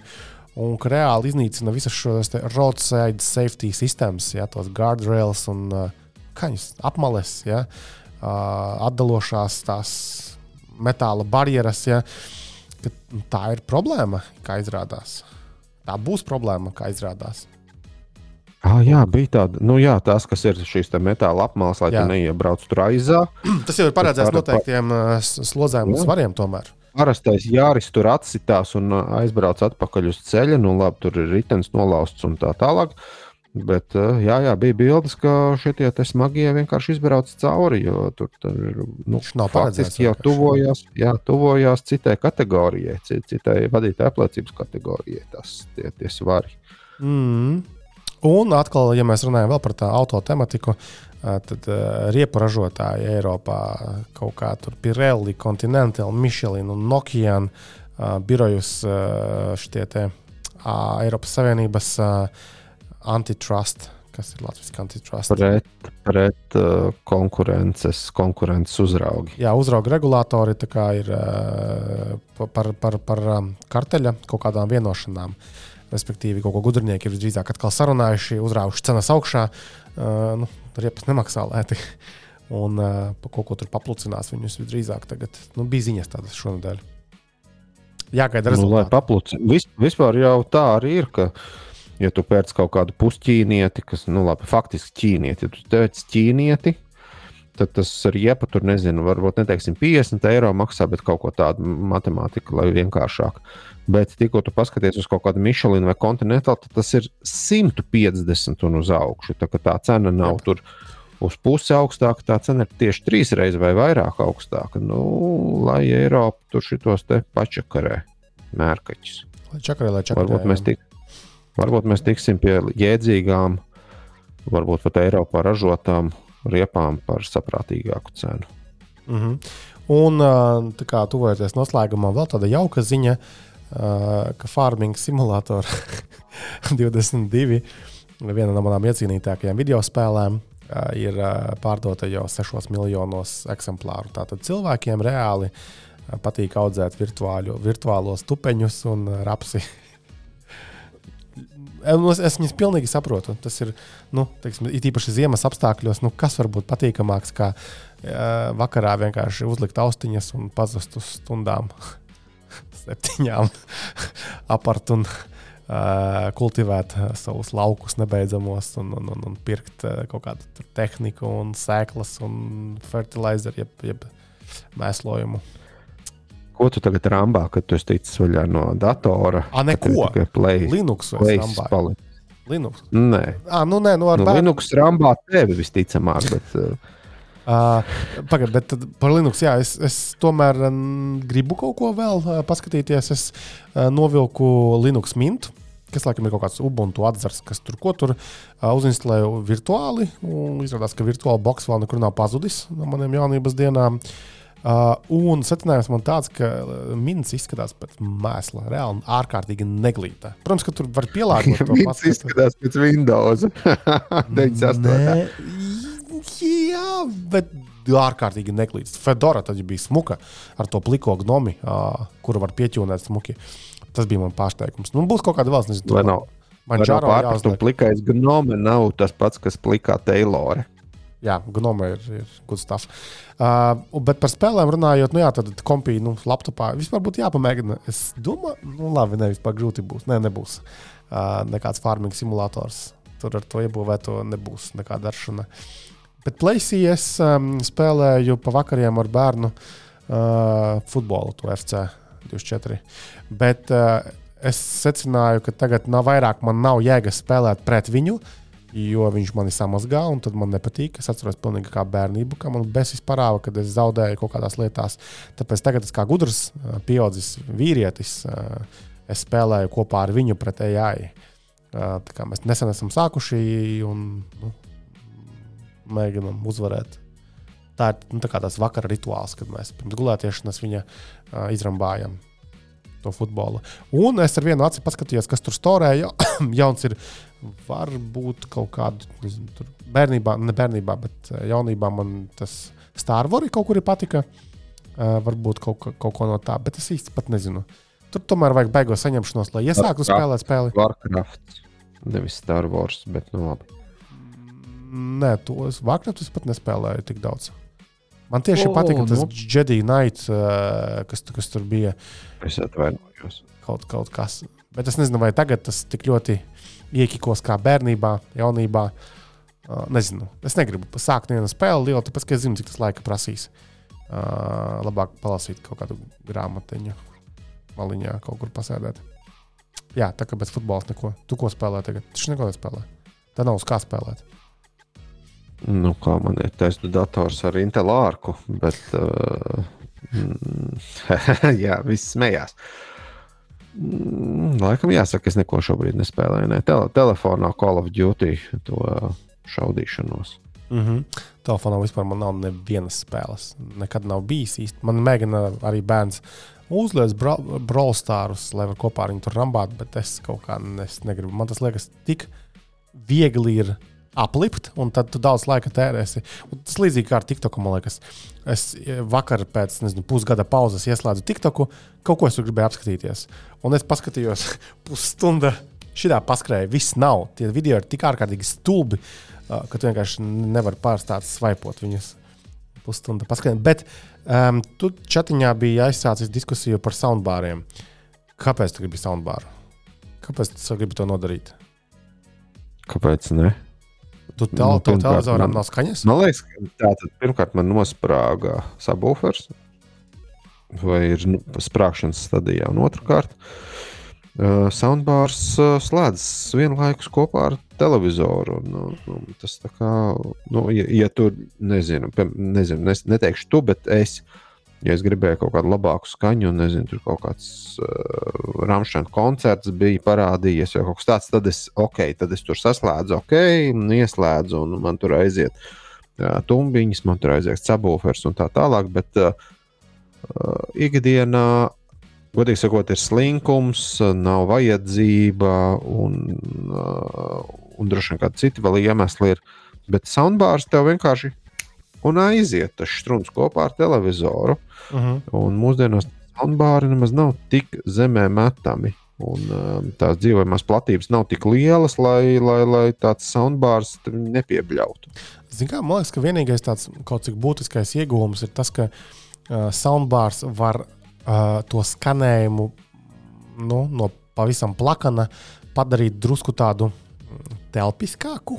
Es pat nerunāju par visādiem atmosfēriem, sarežģītajiem un tādām lietām, bet, teiksim, televizoros lielā daļā, it īpaši vecākos, kāds, cik es saprotu, ir arī tev, nu, tur īpaši neviens par to skaņu nedomā. Jā, ir tur uh, nomināli kaut kas, bet nu, ne tur telpiska, ne tur dziļa, nekā tur nav. Uh, bet soundbārs, jā, tas, ka tur tajā pagalē ir nu, daudz skaļrunīšu var būt. Jā, tur, tur, tur zemākām frekvencēm, augstākām. Uh, un tas tā kā varētu būt. Bet mana pieredze, kad mēs testējām to sonosu maziņo, arka, man liekas, bija. Maziņš, Nē, bija uzsver uz maziņu. Jā, nu, viņš nu, tā kā arī garuma ziņā pusē no tāda normāla, standarta lielā uh, soundbāra. Un tas mans secinājums bija tāds, jā, saslēdzas, jā, viss darbojas, bet tas skanējums ir nu, tāds, ka es paklausos televizoru, paklausos to soundbāru, un es teiktu, pat tas televizors, man nebija dārgs televizors, kas viņš jauns, kad 600 eiro maksāja, nu, salīdzinoši nedārgs. Un es teiktu, ka televizors man patīk, kā labāk skan. Un tad man ir vēl tāds uh, Samsung kaut kāds liels, makans uh, soundbārs. Nu, jā, tas ir uh, tāds uh, pamatīgāk skanošs. Uh, tā kā es saprotu to, to, to, to, to tavu vēlmi, bet man liekas, ka nu, nav tā, ka visi soundbāri ir baigi labi. Tur, tur, tur baigi jāpapēta. Man būs interesanti vispār paskatīties, ko tu beigās nopirksi. Uh, bet es esmu uzmanīgs ar šiem lētajiem. Tur ir, tur ir, jā, tur ir uh, baigās. Ba tur ir da- komplicēta šī problēma. Zini, kā varbūt? Jo uh, va- vai ar subwooferi, vai bez, nu, vieta man subwooferim ir. Uh, veco iesviežu tur mežā, vai kaut kā tā, lai tur būs viss būtu zaļš un superīgi. Uh, Soundbāram tā kā vieta ir, bet ir nu, grūti. Ir baigā lasīšana. Ir s- ļoti precīzi jāsaprot, ko tu pērc. Jo dažiem tie, tie sabūferi, cik var noprast pēc, ko, pēc komentāriem, ir pārāk agresīvi un nav nogriežami. Un tā arī ir, manuprāt, milzu problēma, ka it kā tev skan labāk. Jā, bet eh, ja tu gribi vakarā, kamēr nezinu, tur bērni un kaimiņi, un kaimiņi guļ, paskatīties kaut kādu filmu, vai tu vienkārši netīšām ieslēdz televizoru kaut kādā lielākā skaļumā, kur bērni mm. ir Mhm. atstājuši tur, nezinu, skatoties kaut kādas multenes. Un uh, tas iebļaujās, tas uh, vaiprātīgais sabūfers, tas soundbārs kopā. Nu, Un blakus tas istabā arī var laulātā drauga zobi sagrabēt uz stumbačkas. Jau stumbačs glāzītē pie zinām vecuma. Jā. Jā. Tā var gadīties. Uh, tā kā šis būs, tas nebūs vienkārši. Kā, zini kā, zini kā, zini kā, zini kā. Šeit mēs varētu izmantot Man... Mūsu stāvokli. Tātad, ja kāds šeit klausās mūsu dārgie draugi no Samsung, LG, Sony, ā, kas piedāvā tos soundbārus, atsūtiet uz testu. Labprāt ieguldīsim mūsu laiku un, un, un, un resursus, lai apskatītos, kas vispār aktuāls ir mūsdienīgā soundbārā. Tas varbūt tev iedos tādu arī skatījumu uz to. Nu, nesūtīs jau neviens drāņķus, sūtīs kaut kādus dārgus. nesūtiet arī štuku, jo štuku, par štuku nopirkt nav, nav māksla. Jā, Nopirkt eh, zem pieciem, varbūt sešiem simtiem. Vot, lūk, tā, manuprāt, ir jau māksla. jā. lai būtu kaut kāds atmosfērs iekšā, lai, lai, lai, lai slēgtos kopā ar telefonu. Nu, tas ir labi, tas ir pēc noklusējuma, lai nebūtu pults pilnīgs preteklis. Jā, mm. tas ir tas, ko es šobrīd esmu sapratis, ka ļoti daudziem ir pults pilnīgs preteklis. Kas ir droši vien būtiski, ja tu gribi tur piegriezt kaut kādu on the go, lai nav baigi skaļš, vai nav baigi basains, vai tur ieslēgt, lai var mūziķiņu palaist, ne, neieslēdzot televizoru. Uh, ka tas ir būtiski, un jā, ka ir sabūferi esot pārāk agresīvi. Jā. Bet, nu, jā, bet tā kā man ir Samsung, tad uh, es arī kaut kā sliecos iespējams uz Samsung, jo viņiem tur ir gan, gan dažādas cenas, cenu kategorijas, gan sadarbība. Beigu galā sadarbība. Droši vien jāsāk ar to, jo no visādi Denoni vai GBL vai tas pats pieminētais Sonos. Pēc viņi zina, kā viņš strādā kopā. Mm. Samsungam tomēr ir puskapēju tā uzticamība, ka kopā sadarbosies bišķiņa lielāka. Vismaz man tā ir tā teorētiski. Kā tas būs praktiski, to mēs varbūt redzēsim, varbūt nē. Jā, jā. Ok, uh, kaut kas vēl tāds uh, šodien obligāti pieminams ir. Kā jau es nezinu, mēs jau diezgan daudz, un mums ir intervija, cik es saprotu. Jā, jā, tad es domāju, ka tad sakam čau, čau, tā, tā, ja? un ķeramies pie intervijas daļai. Tad vai tā, Ants. Čau, čau, tā. Čau, čau. Sarunai ir pievienojies Jānis Strumpmanis, CSC Telekom komercdirektors. Čau, Jāni! Čau! Nu, tad šī saruna mums iesprūda par vienu nedēļu, manu tehnisko gluku dēļ. Bet, kā, nu, gan tu esi tehnoloģiju biznesā, gan es esmu tehnoloģiju biznesā, un uh, problēmas nu, mēdz atgadīties ik pa laikam. Jā. Ies, iesākumā, es domāju, kā, kā jau ikvienā intervijā ar domāju, gan man, gan, gan klausītājiem, nedzirdētiem, neredzētiem viesiem, es gribētu, lai tu pastāstītu mazliet īsumā par sevi. Kas tu tāds esi, cik tu sen darbojies jomā un kāda ir tava saistība nu, ar tevi šobrīd pārstāvēto uzņēmumu CSC Telekom? Jā, tad, tad es telekomunikāciju jomā strādāju kopš uh, dienas, kad es pabeidzu universitāti. Mācījos Rīgas Tehniskajā universitātē par uh, telekomunikāciju inženieri, ko arī veiksmīgi absolvēju. Un kopš 2003. gada es uh, darbojos elektronisko sakaru industrijā. Pieredze man strādāt gan Latvijā, Lietuvā, Igaunijā. Esmu piedalījies daudzās starptautiskās konferencēs, kur esmu runājis par dažādiem sakaru risinājumiem, zvanu centriem, kontaktcentriem, robotu risinājumiem un viņu perspektīvām un attīstības tendencēm Baltijā. Nu, to, cik tālu mēs esam ar, ar šīm lietām. Lūk, man ir četri bērni, un brīvo laiku pavadu ģimenē, atpūšoties, pieskatot bērnus. Lūk, un, un neizmantojot robotus. Un paskatieties, tev nemaz tik sirmi mati nav. Es skatos, četri bērni un, un, un, un normāla pačka vēl uz galvas ir. nu, paldies Dievam. Jā, um, nu labi. Tātad pats tu industrijā esi sen. Um, tagad varbūt kā tu noraksturotu, kas ir CSC Telekom uh, tādam ierīnas cilvēkam, kas varbūt nesako tik detalizēti līdzi uh, nu, šīm kompānijām. Nu, jo, jo es, piemēram, esmu dzirdējis par CSC Telekom nu, nu ļoti sen. Uh, visādos manos mm -hmm. iepriekšējos darba vietās uh, kaut kādus mēs mm -hmm. tur pakalpojumus no jums pirkuši, bet es domāju, ka lielākajai daļai tādai, nu, mm, gala lietotāju jūs esat nezināms uzņēmums. Mm -hmm. uh, tas ir saistīts ar to, ka mēs strādājam pamatā ar lielo un vidējo biznesu. Mm -hmm. uh, un nestrādājam ar privātpersonām. Uh, līdz ar to varbūt mēs tik daudz nezinām, bet nu, teiksim, tie, kas ir industrijā, uh, speciālisti un kas strādā plaša klienta apkalpošanu, to, to uzņēmumu pārstāvji lielākoties mums samērā labi zina visās trijās valstīs. Uh, Mēs šobrīd fokusējamies uz kontaktcentru, zvanu centru ieviešanas risinājumiem, nu, viss, kas saistīts ar klientu apkalpošanas risinājumu digitalizācijām un teiksim, kontrolas veicināšanu, uzlabošanu, viss, kas saistīts ar to, lai mūsu klientu klienti justos laimīgāki, priecīgāki, priecīgāki pat, nu, patiesāk novērtētu to uzņēmumu vēlmi apkalpot viņus aizvien kvalitatīvāk, ātrāk un, un, un, un mūsdienīgāk. Nu, jā. nu, lūk, un, uh, Latvijā, ja mēs esam no 2003. tad uh, Lietuvā uh, es biju tas, kurš atvēra Lietuvā filiāli. Uh, tas bija kaut kādā 2004. gadā. Uh, tas bija pasen, nu, jā, un dotajā brīdī strādāja ap simts cilvēkiem. Un, uh, Mm, nu, lūk, un apkalpojam dažādu nozaru lielākos uzņēmumus. Nu, varētu teikt, katrā nozarē mums, mums strādā lielākās, lielāko uzņēmumu pārstāvji. Tas nu, gan, gan banku sektorā, gan transporta sektorā, gan, gan valsts sektorā un visās trijās valstīs. Un CSC Telekom tas ir Latvijas uzņēmums? CSC Telekom pieder kanā, kanādiešiem. Aha.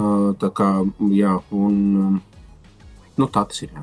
Bet tā... privātpersonām tas nav fonds vai vēl kaut kas. Mēs strādājam tikai ar uh, saviem līdzekļiem. Mums, nav, nu, mums ir uh, ļoti augsts kredītreitings, mums nav parāda saistības. Uh, Tā kā uzņēmums ir ļoti stabils. A tā no sākta gala bijis, kad tas kanādiešiem piederēja, vai tur kaut kāds pār... ah, uh -huh. Jā, īpašnieki bijuši no sākta gala, principā visu laiku vieni tie paši. Okay. Nu, tā, līdz ar to tas arī parāda, ka nu, mums ir ļoti stabils kolektīvs. Ir, uh, Uh, un tādēļ es arī strādāju šeit, jo visu laiku viss mainās, uh, viss grozās. Mēs, principā, uh, tas, ko es sāku darīt sākumā, kad es strādāju strādāt CST telekomā, kardināli atšķirās no tā, ko es daru tagad. Un, principā, nu, gadu no gada mēs nu, redzam, cik attīstās tehnoloģijas, kā viss mainās. Nu, uz vietas neviens nestāv šeit. Tie, kas uh, pamēģina nu, kaut kādā piecus gadus uh, domāt, ka viņi kaut ko ir sasnieguši, tie ļoti ātri nogrimst. Bet labi, 20 gadus atpakaļ patinam, kas bija toreiz tur aktuālās tās no komunikāciju. Kaut kādas centrālas, kaut kas fizisks. Jā, nu, 20, 20 gadu atpakaļ es atceros, bija tā, ka klientiem ar mums bija bail runāt, jo visi domāja, ko tad teiks Latvijas Telekom. Nu, tā kā bija. nu, es pat atceros, gāju pie klientiem, viņi saka, jā, bet a, a, ko viņi teiks, kā, nu, kad mēs ar jums te runājam. Nu, tad, bet tad, principā, tur pārdevās tikai starptautiskie sakari. Lētāki zvani uz ārzemēm un nu, tādu pakalpojumu. Ja, tur. Mm -hmm, mm -hmm. okay. Labi, un tagad virzoties tālāk uz to mūsu sarunu šodienas tēmu par tiem robozvaniem. Bet Jā. pirms varbūt tiem pašiem robozvaniem, man kaut kā prātā visu laiku līdzīga tēma ir mm, balss atbild, atbildētāji. Ja? Tā tad mm -hmm. gan, gan tā viena puse, kad, piemēram, mēs zvanām uz banku vai uz jebkādu citu iestādi, nospiediet viens, lai būtu tas un būtu šitais. Tad tālāk man nāk prātā jau otrā virzienā e, kaut kādi zvanītāji, kas tur, nezinu, tur lūdzu apstipriniet, ka jūs ieradīsieties uz vizīti pie ārsta. Un, mm -hmm. un, un tas visdrīzāk jau ir vairāk tie robozvani, kas zvana. Uh, tad ir mārketinga vēl robozvani dzirdēt arī tepat Latvijā. Varbūt mm -hmm. tu vari iedot tā tādu no sākuma, kā tas viss iedalās, vai visas šīs lietas, un atkal no tādas nu, gala lietotāja skatu punkta raugoties, tad kurā brīdī mēs saskaramies ar, ar, ar robozvaniem kā tādiem, un kas ir tās lietas, kas ir nu, pirms varbūt soli tiem robozvaniem. Nu, es ļoti pareizi sapratu, jo sanāk tieši tā, kā tu pastāstīji. Tas saucās IVR, Interactive Voice Response. Mm. Tad, tad tas ir atbildētājs, kas atbild uz ienākošiem zvaniem. Kāpēc viņš ir domāts un kāpēc viņu kā, vispār darbina? Tas, lai cilvēkiem nevajadzētu stāstīt vienu un to pašu vairākas reizes. Nu, jo ir bijis, kad zvanu uz vienu kā, iestādi vai uzņēmumu, paskaidro, man vajag to, man vajag šito un tā tālāk. Tu izstāsti, viņš saka, pagaidiet, pagaidiet, jums jārunā ar citu. Mhm. -huh. Jā, es jums iedošu telefonu numuru. Nu, tad tu, tu kaut ko mēģini pierakstīt to numuru, un tad zvanīt uz citu numuru, atkal stāstīt to. Tas varbūt atkal nezina līdz galam, atkal sūta citam. Jā, un, kā, tad, kad ir viens, divi zvani dienā, varbūt tas ir ok. Bet, ja zvani ir nu, desmitiem, simtiem katru dienu par vienām un tām pašām tēmām. Tāpēc ir ieviests šis IVR, kas palīdz reiz novirzīties klientam uz pareizo uh, cilvēku uzņēmumā. Un arī, nu, teiksim, ja jau tie zvani ir simtiem, varbūt, varbūt tūkstošiem dienā, uh, tad jau arī tā taisa vēl arī uz zināšanām bāzētu novirzīšanu cilvēks. Tur izvēlās tādu tematu, un tad jau aiziet pie attiecīga cilvēka, kuram ir nu, atbilstošās zināšanas tajā jomā. Nu, lūk, un to, kā, kā pareizi arī tu pieminēji, ja, tad uz robotu zvaniem ir viss tas pats, tikai uz otru pusi. Ja, tad tad strādā šis pats IVR tikai pie izējošiem zvaniem. Un atkal cilvēks veic tā kā manipulācijas un runā. Nu, tu, teiksim, tas īsti nav robots, kā mēs to šobrīd esam iesaukuši. Tas varbūt nosaukts tāpēc, lai būtu cilvēkiem vieglāk saprast. Bet patiesībā tas ir nu, komunikācija ar uh, pirms tam jau sagatavotiem uh, audio ziņojumiem. Uh mhm. -huh. ja, tagad, protams, attīstās arī mākslīgais intelekts uh, un, un, un Uh, teiksim, kur, kur šī komunikācija, mēs esam arī sataisījuši ar ChatGPT integrāciju, ja, kur jau nu, caur šo pašu risinājumu ar robotu var nu, sarunāties, ja, izmantojot ChatGPT datubāzi. Bet klienta apkalpošanā tas šobrīd vēl netiek ieviests nu, saistībā ar dažādām niansēm. Pirmkārt, jau nu, latviešu valoda, ja, kas ir daudz sarežģītāka nekā angļu valoda, nu, un ar mūsu tirgus specifikām, ka mums varbūt arī nav tik liels un plašs tas uh, iedzīvotāju skaits, uh, lai, nu, jo tie risinājumi samērā dārgi sanāk, ja, nu, ja viņus taisītu mākslīgā inteliģence. Mm. Bet, nu, protams, viss attīstās, nu, cenas samazinās, un nu, mēs arī pie tā nonāksim. Okay, labi, tad tie robo, robo, robo zvani, tas ir tas otrs virziens, kad pret mm -hmm. uh, galalietotāju uh, vērsti tiek. Bet man joprojām drusku gribas patincināt tevi arī par to, kad mēs zvanām un ir, ir tas AVR. Tātad, uh, kādas vispār ir aktuālās lietas tieši tajās AVR sistēmās, kas ir parādījies? Piemēram, man prātā nāk eh, banku gadījumā, jau ir piemēram ieintegrēta nu, šī te, nu, autentifikācija. Ja tur ar Smart ID, piemēram, te jau zvana laikā tevi noautorizē, ka tu tiešām tu esi tur, nezinu, tur Jānis Vilciņš, piemēram. Ja? Un tad, Jā. attiecīgi, bankai ir tam, tam klienta konsultantam jau konteksts, kas tu tāds esi. Ir. Tas ir viens mhm. piemērs, kas man nāk prātā. Mhm. Kādas vēl varbūt tev nāk prātā integrācijas, kas varētu būt tādas super noderīgas, vai varbūt kas vēl Latvijā nav, bet ir citur ārzemēs?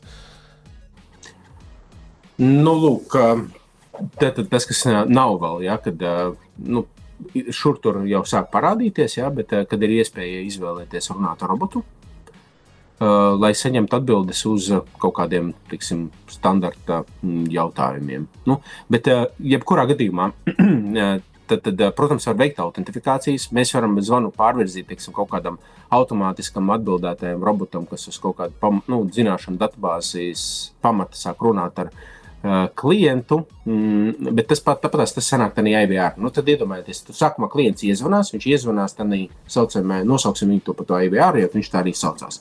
Un uh, tur tad uh, notiekās uh, tā izvēle, uz kurien mēs tur tālāk ejam. Tad, tad uh, pirmais ne, mēs piedāvājam, par ko jūs zvanat. Vienalga uh, par, par kaut kādu tēmu. Un šīs tēmas, lai saprastu, sākumā ir jā, jāizanalizē. Ir, uh, ja nav šis ieviests, ir jāsaprot, par ko tad klienti zvana, un tad var sastruktūrēt. Un tāpēc sākumā uh, pat netaisa teiksim, tos jautājumus un nevirza klientus uh, nekur, bet uh, sākumā liek tā tādu dispozīciju mm, pie katra atbildētā zvana, un dispozīcija nozīmē tēmu, ja, mm. pa kādu tēmu klients zvana. Lai noskaidrotu, piemēram, adresi, lai noskaidrotu, tur, kādā veidā tikt līdz mums, lai uh, zvanu saka, saistībā ar uh, kaut kādiem pirkumiem vai zvanu ar tehniskiem jautājumiem. Uh, vai kādiem citiem jautājumiem. Tad mēs sadalām tās tēmas, un mums ir skaidrs, ka klienti ļoti zvana par kaut kādu vienu konkrētu tēmu, kas ir ļoti elementāri atrisināma, un tur nav vajadzīgas teiksim, plašas uh, cilvēku zināšanas. Okay, tā ir tā tēma, ko mēs varam robotizēt. Nu, lai ātrāk sniegtu klientiem atbildes. Nu, piemēram, uh, mums notiekās ārkārtas situācija. Tur, uh, kaut kādā reģionā saplīst elektrotīkls, un visi zvana un prasa, nu, kad atjaunos elektrību volā, nu, teiksim, šis ir labs piemērs. Ja? Cilvēki zvana, viņiem saka, jā, sveicināti.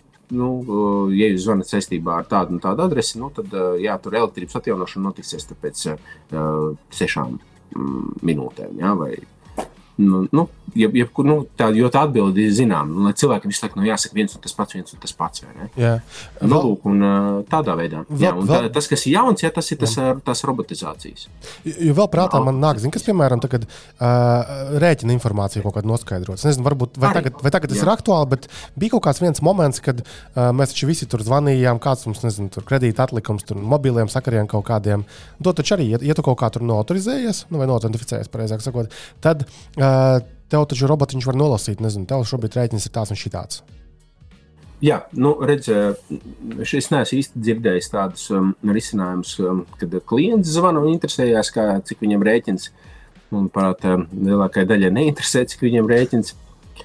Tikai vairāk interesē tam, kam vajag, lai viņam samaksā. Jā. Nu, tad jā. Uh, šīs robotizācijas tiek ieviestas, uh, uh, lai nu, veiktu parādu piedziņu. Tādas gan mēs esam taisījuši. Uh, nu, dažādās nozarēs, gan kreditēšanas nozarēs, gan arī nu, medicīnas nozarēs. Lūk, nu, kur, ir, kur ir parādnieki? Jā, un tad, attiecīgi, to, ko tur var izdarīt, var nosaukt cilvēku vārdā, uzvārdā, var no datubāzes paņemt viņa kredīta summu, cik viņš ir parādā, nosaukt viņam, un tad viņam vēl uzdot arī kaut kādu jautājumu, vai viņš ir gatavs šobrīd, piemēram, samaksāt to. Tad viņš saka, jā, es esmu gatavs, un tad viņu novirzīt uh, uzreiz uz datubāzi, kur paskatās viņa telefona numuru un aizsūtīt viņam ar linku ar, ar, uz rēķina apmaksu. Ja? Tad viņš mm. saņem SMS, piemēram, un nospiež un apmaksā. Vai, nu, šādā veidā. Vai ir tādi risinājumi, ka, tu, piemēram, cilvēks nu, tur iet cauri tam kokam, uh, virzās pie kaut kādas nu, tēmas, kas viņam tā ir, bet, Jā. piemēram, ir pārāk ilga gaidīšanas rinda, un tad uh, teiksim, robots piedāvā, nu, vai sistēma piedāvā iespēju ierunāt viņam to mēsīju, un tad tālāk uh, tas klientu konsultants uh, vai nu noklausīsies, vai atšifrēt, izlasīs un varēs atpakaļ viņam atzvanīt. Tā dara vai nedara neviens?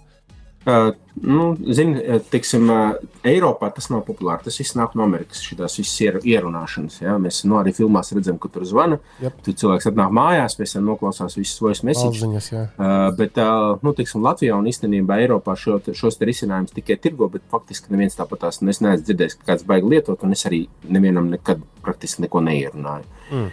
Nu, nezinu, kaut kā tas ir tā e emocionāli.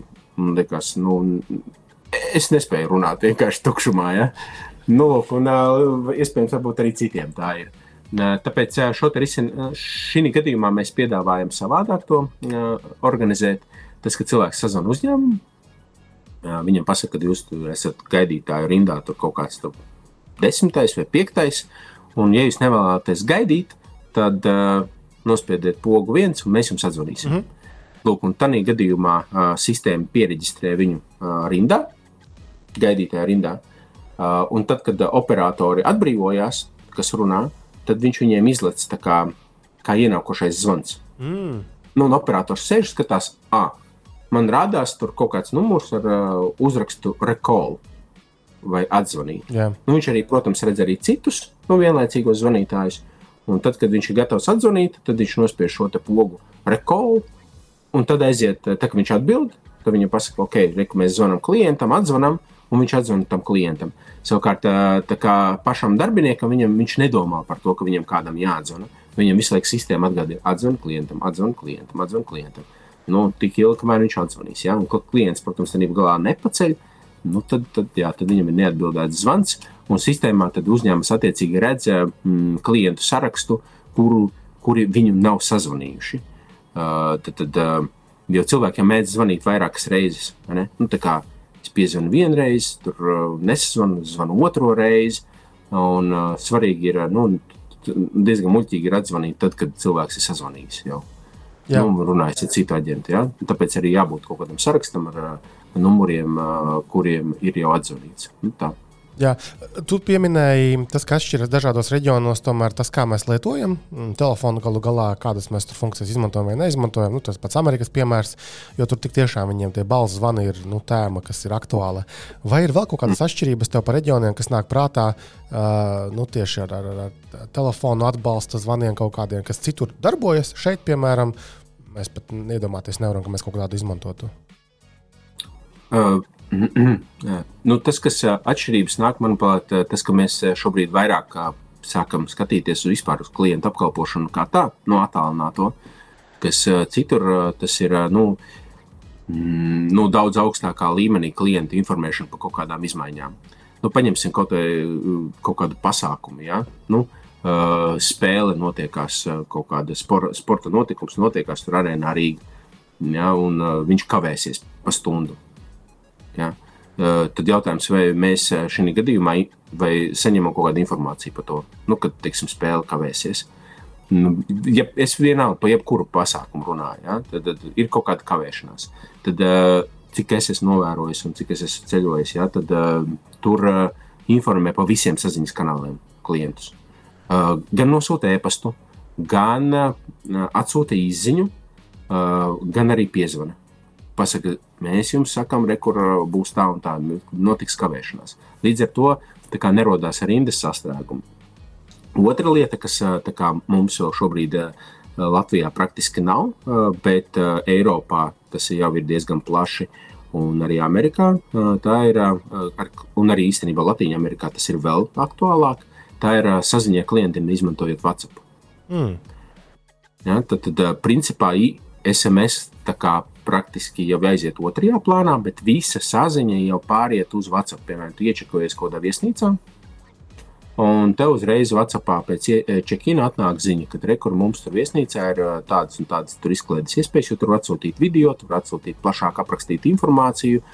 Reku mūsu visi recepcijas kontaktu tālruņa informācija, kur jūs varat vēsties par tādiem, tādiem, tādiem jautājumiem. Un tas viss atnāk uzreiz Vācijā ziņā. Un tālāk, ja tev kaut kādi jautājumi, tu uzreiz Vācijā uzreiz vari arī atbildēt. Mums Latvijā plaši es redzu, ka visi taisa mājaslapas čats, mājaslapas čats. Bet, nu, mājaslapas čatam ir viena tāda lieta, ka uh, es, piemēram, uh, nu, brauzoju webā caur uh, private browsing. Mm. Nu, man nepatīk uh, tā visa manējā tā kā, čekošana, visa kukijas vākšana. Es izmantoju private browsing, lai tur neviens neredz, ko es tur uh, pie viņiem uh, mājaslapā daru. Uh, un līdz ar to, piemēram, WhatsApp, nu, šī mājaslapa čata gadījumos, tas čats esojas vispār nu, pazudis. Neparādīsies. Jā. Ja? Viņas, viņas neparādīsies. Uh, un, jebkurā gadījumā, nu, cilvēks uzraksta kaut ko tur tādā čatā, ja uzreiz nav atbildes, nu, tad, tad, tad ir arī viss. Lūk, uh, tad, tad vienkārši jāsēž un jāgaida. Bet, savukārt, ja mēs uzrakstām kaut kādā Facebook Messengerī vai WhatsAppā, tad mēs aizsūtām. Uzreiz robots, piemēram, var, nu, sistēma var atsūtīt, ka atbildi jums būs 30 minūšu laikā. Uh mhm. -huh. Es zinu, ah, ok, nu, viss, nu, tas ir kā e-pasta vietā, bet uh, tādā tā kā nu, vieglāka, ērtāka komunikācija ar klientu. Un tā, kā, kā, kā redzi, nav. Ja? Mm. Mums ir pāris klienti, kam mēs jau esam ieviesuši, tas palēnām parādās. Bet nu, tas ir pilnīgs jaunums, jā, teiksim, kurš citur ir un pie mums, pie mums nav. Es, piemēram, Anglijā jau di, tā, tā, tā, pirms Covid īstenībā. Tas bija pirms Covid. Jā, es, man bija kaut kāds nekšanas, kad uh, ar biļetēm dzelzceļa līnijās. Mm, un, uh, tā komunikācija visu uh, ar tām Anglijas tām dzelzceļa līnijām, es nepateikšu, kā viņas tur saucās, jā, bet viss, viss man notika caur Facebook Messenger. Mm. Ja? Visa informācija, viss tas čats ar turieni notikās. Nu jā, šeit man liekas, ir galvenais uh, saprast, ka nu, uh, tas zvans vai tā īsiņa vai WhatsApp tie ir tikai nu, dažādi kanāli, uh, ka tev jāizbūvē plielam nu, tā stratēģija, kā tu vēlies nu, mhm. apziņot tos savus klientus par kādām lietām, ko tu viņiem teiksi, un tad tu vienkārši nu, izmantot, nu, kuri tie kanāli tev varētu būt aktuāli. Mm. Es pieņemu, ka jūs taču arī varat gan apziņot, gan pa īsiņām, gan pa nu, zvaniem. Tas taču Jā, jā, jā. Nu, ne tikai mēs. Nu, ir, uh, tā, tā ir tiksim, populāra lieta, jā, apziņošana mm -hmm. klientu uh, ar izziņām. Vienkārši izziņas, man, manā skatījumā, tas jau tā kā aiziet tā kā, sekundārā plānā. Nu, pakāpeniski es, es ticu, ka tas kā, nu, ies jau daudziem, tas pārvērties tā par tādu mārketinga rīku.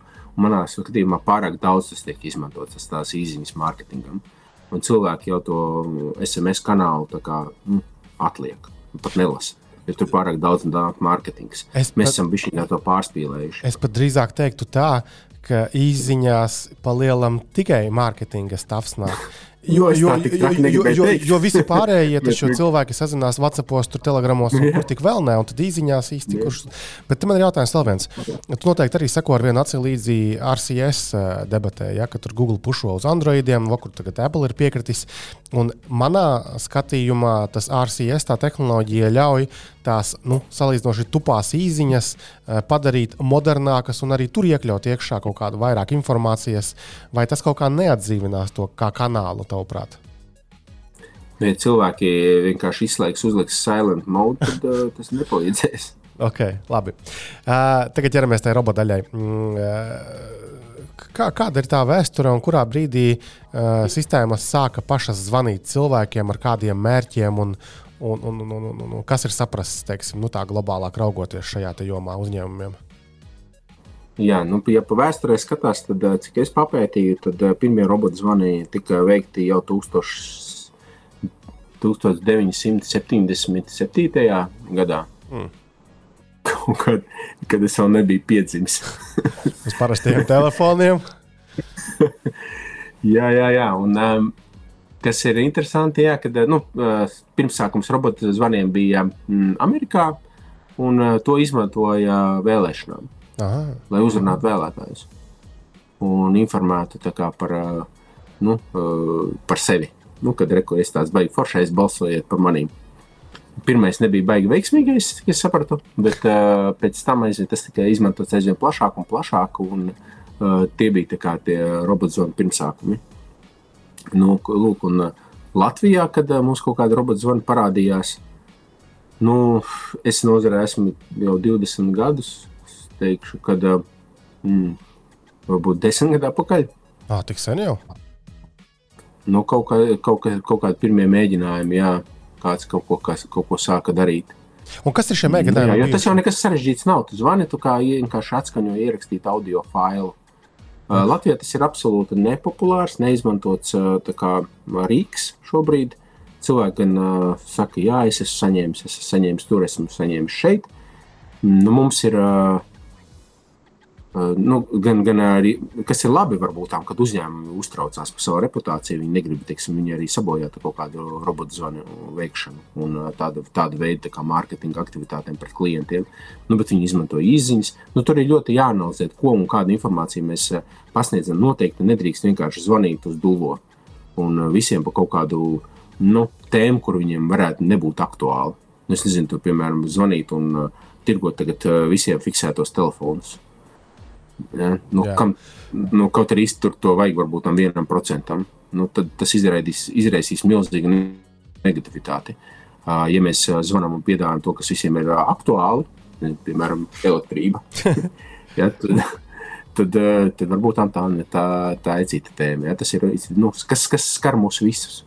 Nu, labi, tagad par pie, piemēriem konkrētiem. Tātad, nu, jau tu pats iestūrēji tādu piemēros, principā, nu, reklāmu zvani, eh, kad eh, kaut kā atlasītai auditorijai pēc kaut kādiem noteikti parametriem. Eh, tātad tiek veikts zvans, kurā tiek vienkārši atskaņots kaut kāds message.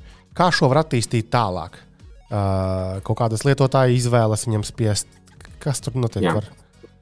Tad, tad, ko var darīt? Tad, tad viens ir pārdošanai, bet pārdošanai mēs uh, vajadzēs atsevišķi aprunāties jā, par likumdošanu. Nu, jā, man ir punkts par to. Drīkst, jā, jā.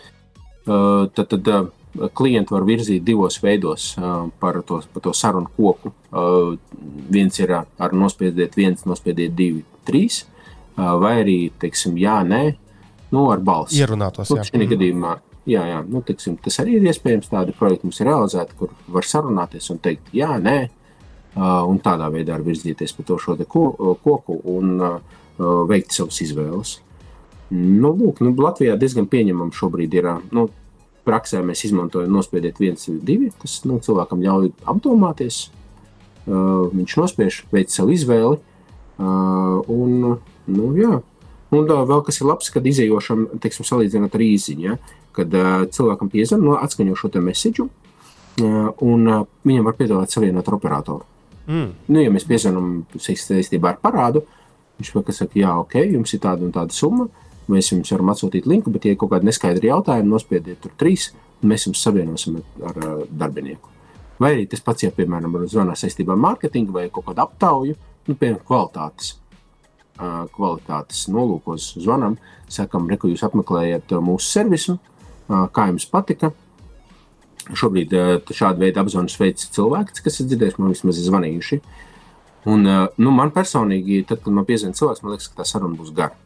Nu, mm. Nezinu, kāpēc man tā iekšēji liekas. Es bieži vien atsakos no šāda veida aptaujām.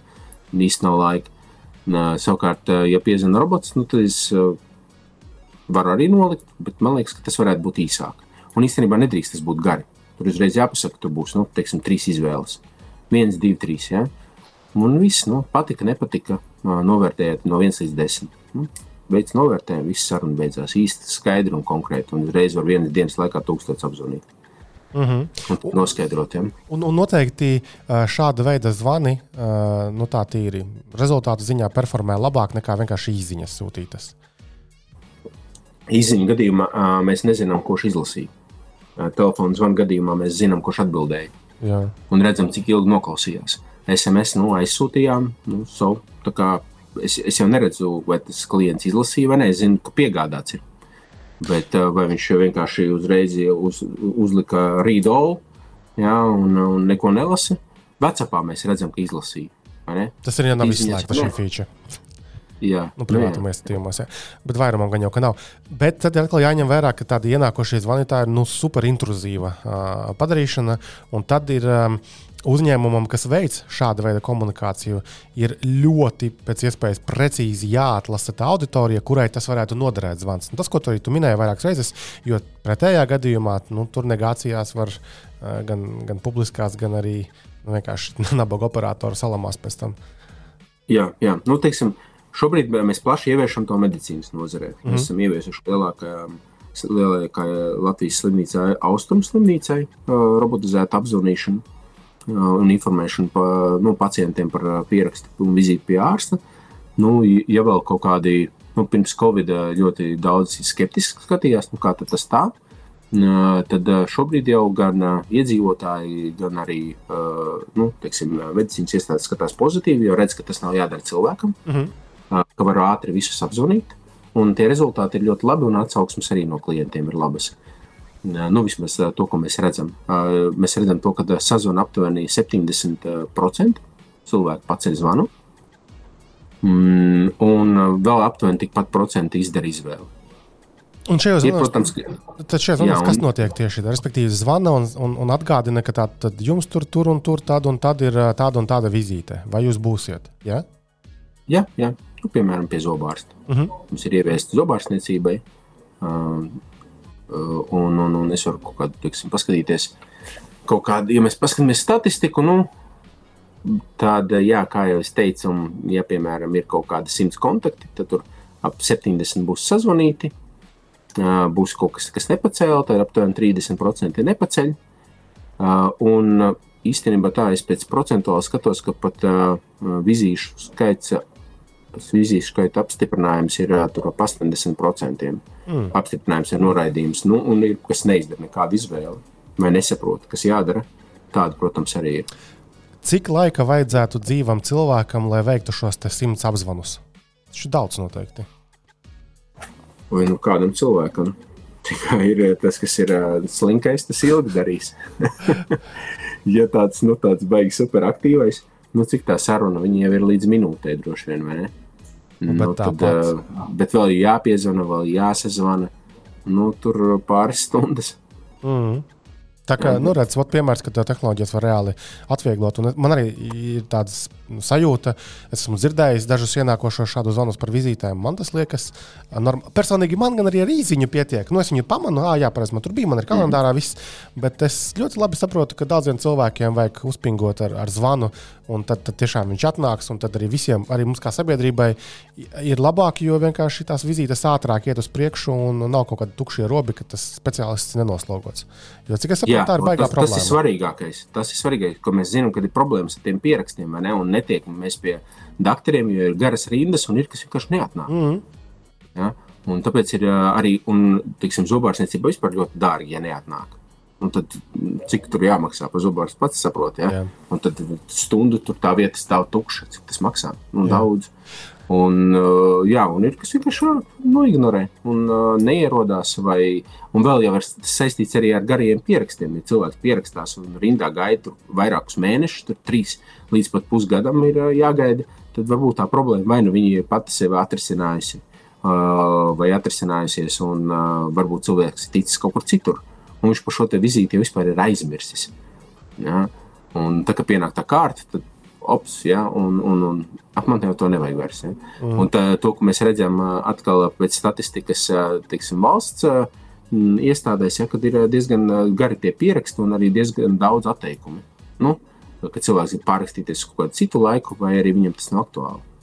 Mm. Un kad tās vietas atbrīvojās citiem pacientiem, viņi var tikt. Jā, tā tas ir labi. Um, jā, un vēl viena lieta, ka, vispār, nu, kas ir interesanti, ja mēs runājam par salīdzināšanu ar citām nu, Eiropas valstīm, es esmu runājis ar mūsu ražotāju pārstāvjiem, tad mums ļoti aktīvi uh, digitalizācijas procesos iesaistās uh, valsts iestādes.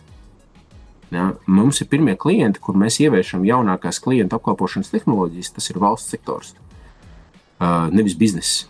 Uh, savukārt, Rietumē Eiropā ir absolūti otrādi. Valsts sektors ir nu, paši, paši pēdējie, kas vispār kaut ko izdara. Savukārt, uh, biznesa ievieš visas inovācijas, jauninājumus, ja? un, uh, un, un valsts sektors sekojas viņiem. Mums ir absolūti otrādi. Nu, es nezinu, kāpēc tas tā varbūt dēļ nu, bažām. Kā, par to, vai tas atmaksāsies. Mums jau varbūt tām uzņēmējiem vairāk kalkulēt tās izmaksas, nu, cik man tas maksā. Mēs varbūt neesam tik bagāti. Tāpēc valstī ir varbūt labi vairāk finansējums. Es tā vienkārši tā, nu, prātoju, kāpēc tā varētu būt, bet tāds fakts ir.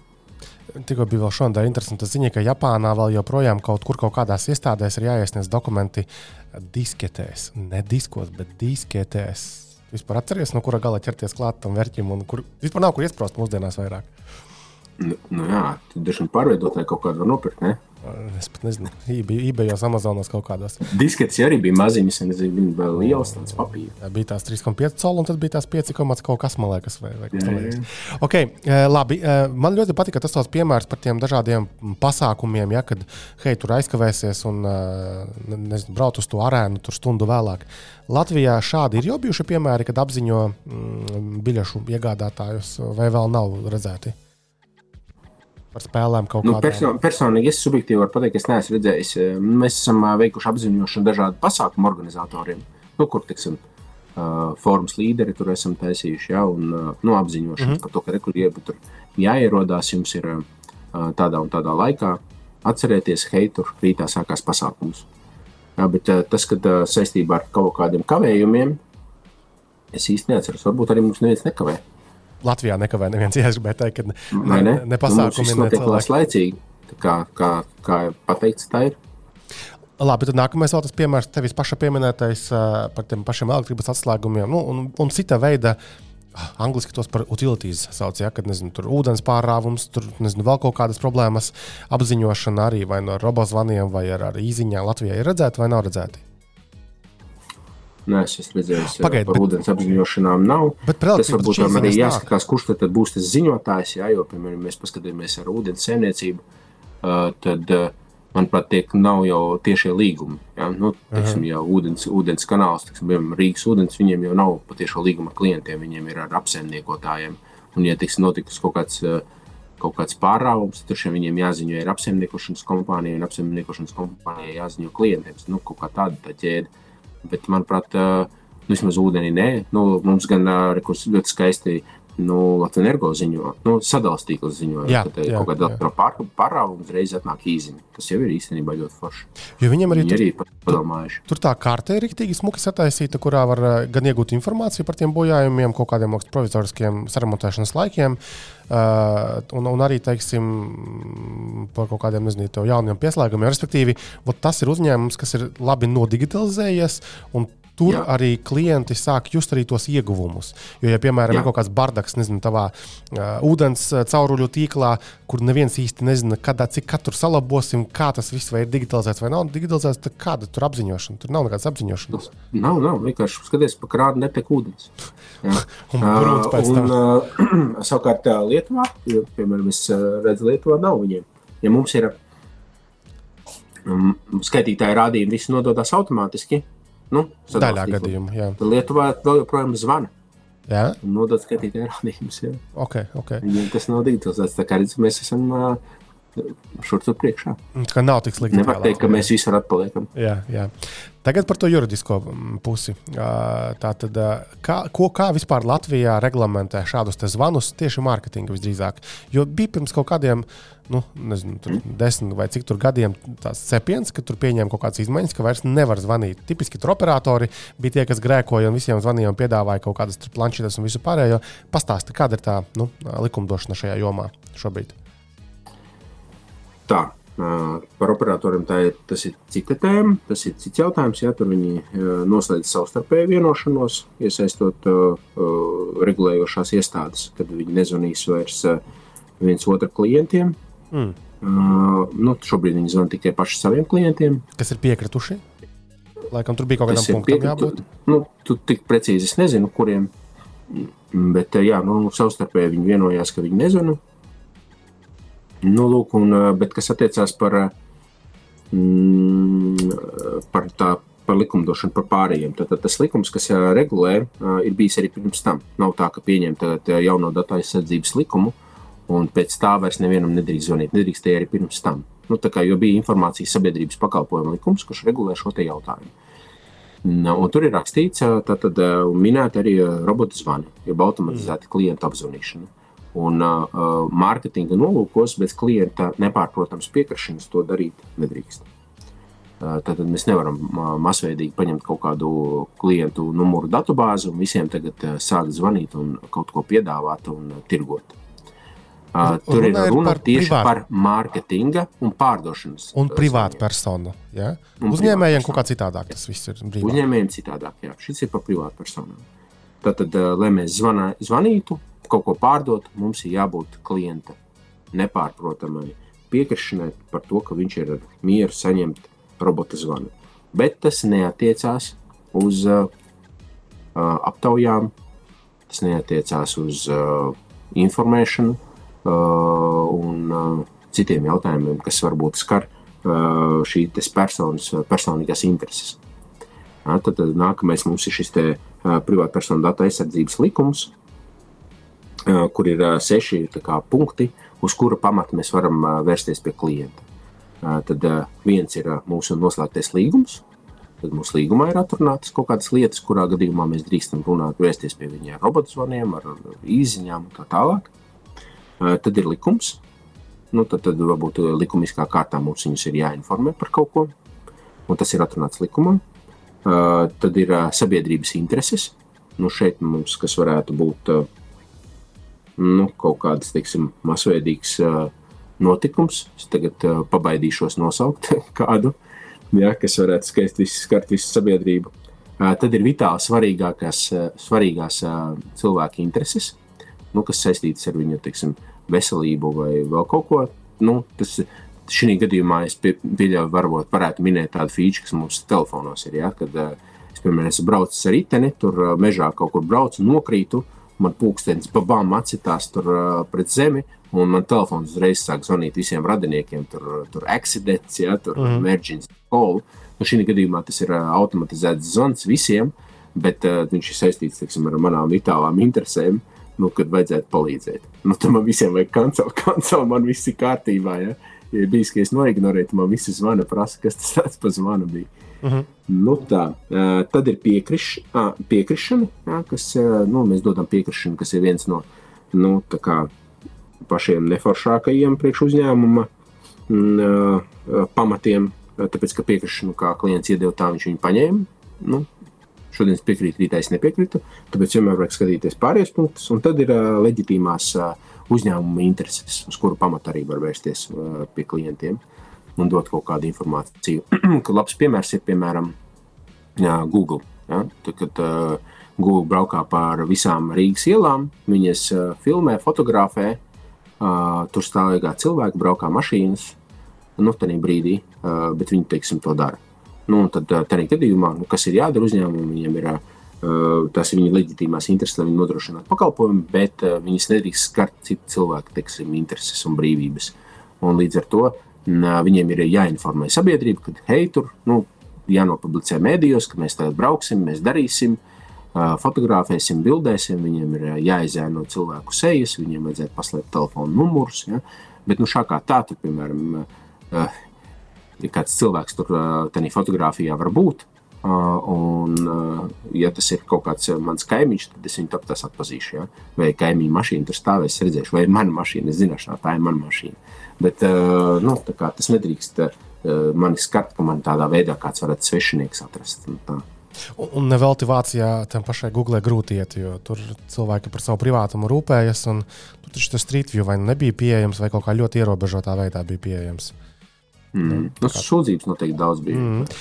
Nu, bet labi, tad dzirdot uh, to, ko tu teici, tas principā ir nu, normāla ķēdīte, kurai ir jāiziet cauri, lai vispār varētu Jā. atlasīt kaut kādu kopu ar, ar telefonu numuriem, kuriem zvanīt.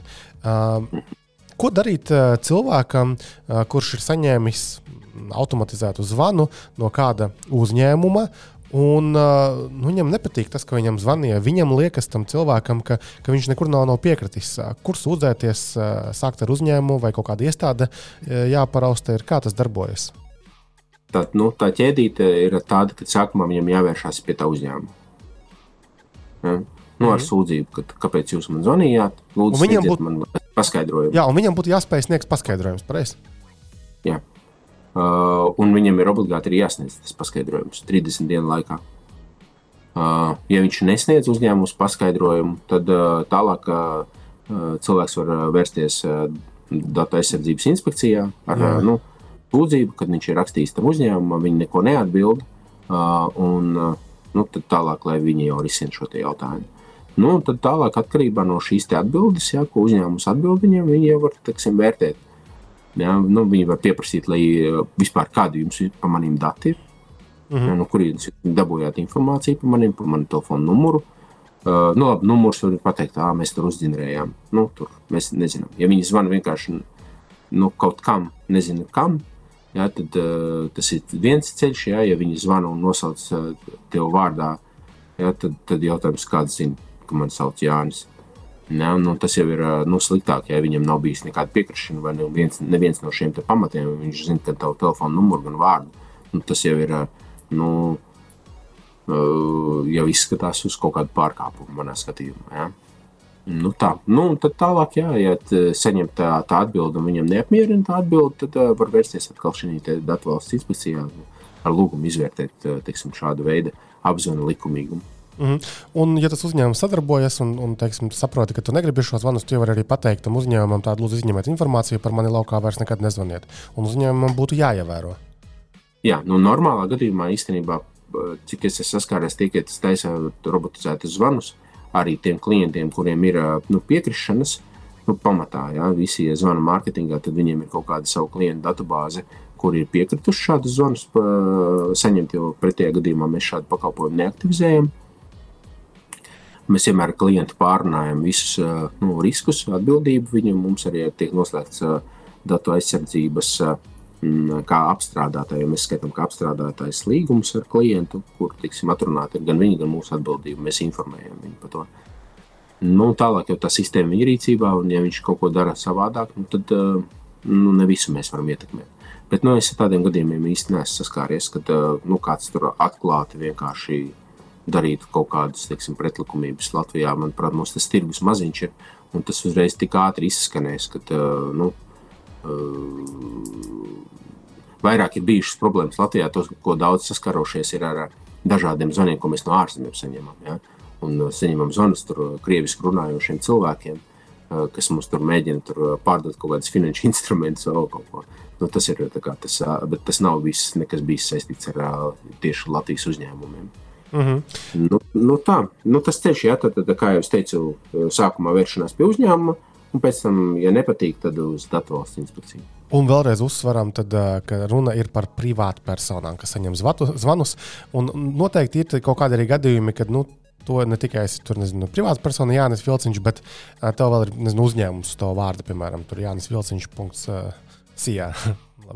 un, un, un, un tad mēs būtu tie zvani, un, un, un vismaz manā gadījumā nu, viņi zvana kontekstā ar uzņēmumu. Un, un nevajag domāt, ka mm -hmm. zvana viņi personīgi tev. Jā, nu, jā, ja tas ir zvans kā uzņēmumam, tad uh, tas ir atļauts. Jā. Um, Tu pats arī nu, pieminēji tādu atslēgu vārdu kā numuru ģenerēšana. Tas, man liekas, viens no tādiem stereotipiem. Uh, varbūt arī nemaz nav stereotips. Tad pastāstīja, vai mēdz būt tā, ka vienkārši kaut kur kāds saģenerē uzņēmumu telefonu numurus, tos diapazonus, un tad vienkārši automātiski bums zvanās visiem. Vai nu jau vairs tā mm -hmm. nevar, nedrīkst darīt? Un... Nu, kā, tā... kā to var izdarīt? Tad, tad visa numuru datubāze ir pieejama publiski. Tad, tad regulātoru mājaslapā var paņemt visus Latvijā izsniegtos telefonu numurus. Nu, kādi, kādi mums ir paņemti visu diapazonu. Uh -huh. Un tālāk šos te numuru teiksim, aktivitāti, vai viņi ir aktīvi vai tie dzīvi numuri, ir tāds pakalpojums kā HLR, Silent SMS. Un visiem šiem numuriem var nosūtīt īsiņu, mm. un pārbaudīt, vai tas numurs ir aktīvs vai nē.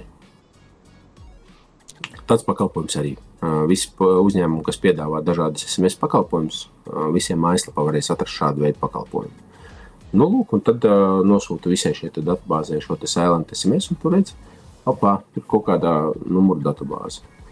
No. Nu, lūk, un, nu, tev ir pieejama numuru datubāze. Un, un Latvijā ir gadījumi, kad vienkārši bums izmanto šādu netīros datus, kur nekā nevar sasaistīt ne ar ko. Nu, es esmu saņēmis zvanus. Jā. Mm. Un gan jau, ka visādi ir ļa ļaunprātīgi to izmanto, jo nu, viņiem jau eh, neievēro. Es esmu saņēmis zvanus gan ne pa tēmu šāda veida, jā, Mm, gan arī nu, teiksim, par kaut kādiem varbūt man aktuālām lietām esmu saņēmis zvanus. Nu, jā, nu, tā var izdarīt.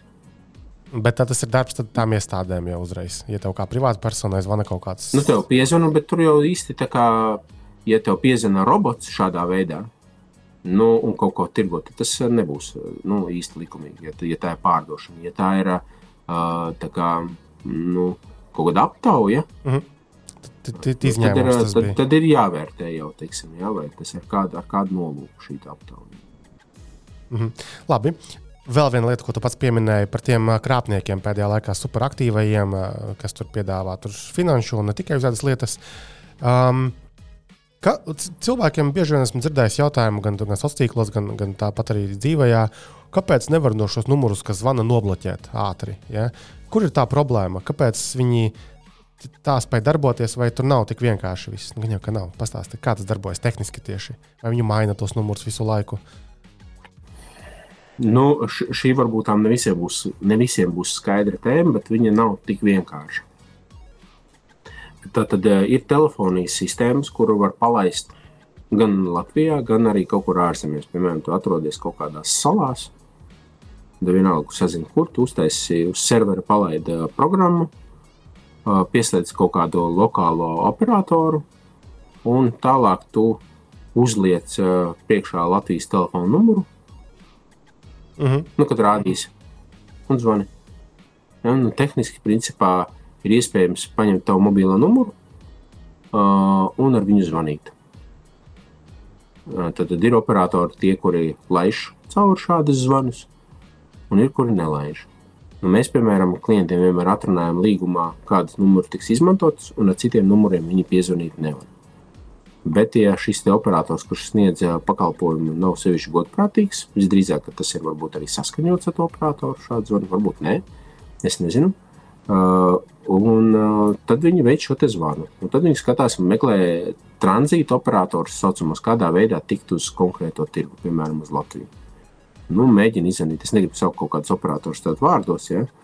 bet nu, viņi tiek līdz Latvijas abonentam šādā veidā. Ne patiešo. Ja? Viņiem varbūt ne, nav, nav, nebūs pat tiešais savienojums ar kaut kādu Latvijas uh, operatoru. Viņiem būs caur, caur, caur vairākiem, teiksim, uh, pasaules Eiropas operatoriem, kur šis numurs iesies, ies, viņi atradīs to ceļu, kādā veidā tikt. Uh mhm. -huh. nu, tad viņi iezvanās un, un sazvana jūs ar Latvijas telefonu numuru. Nu, un viss, un ej, viņu atrod. Viņu jau īsti pat atrast nevar. Nu, tā kā tu vari atrast to galējo operatoru, nu, kādā veidā tiksim, tos jautājumus ir risinājuši, tu vērsies tā, tālāk nu, operatorā, caur kuru tu to zvanu paņēmi, tas operators. Piemēram, kas bija pēdējais? Mobilais vai fiksētais. Kas bija pēdējais Latvijā ienākt, ja?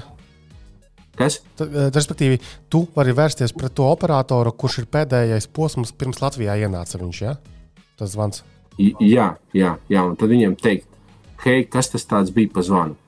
Ja tas būs kaut kāds liels operators, starptautisks, mhm. -huh. viņam nu, ļoti ilgi tas viss ies. Varbūt viņiem nebūs īsti viena alga, bet nu, kā viņiem tā ņemt kaut kādu vienu zvanu un analizēt, kur viņi, tas varbūt pat ne viņa abonents, tas vēl kaut kur tālāk, tālāk, tālāk. tālāk. Un tā ķēdīte sanāk diezgan gara un uh, sarežģīta risināma.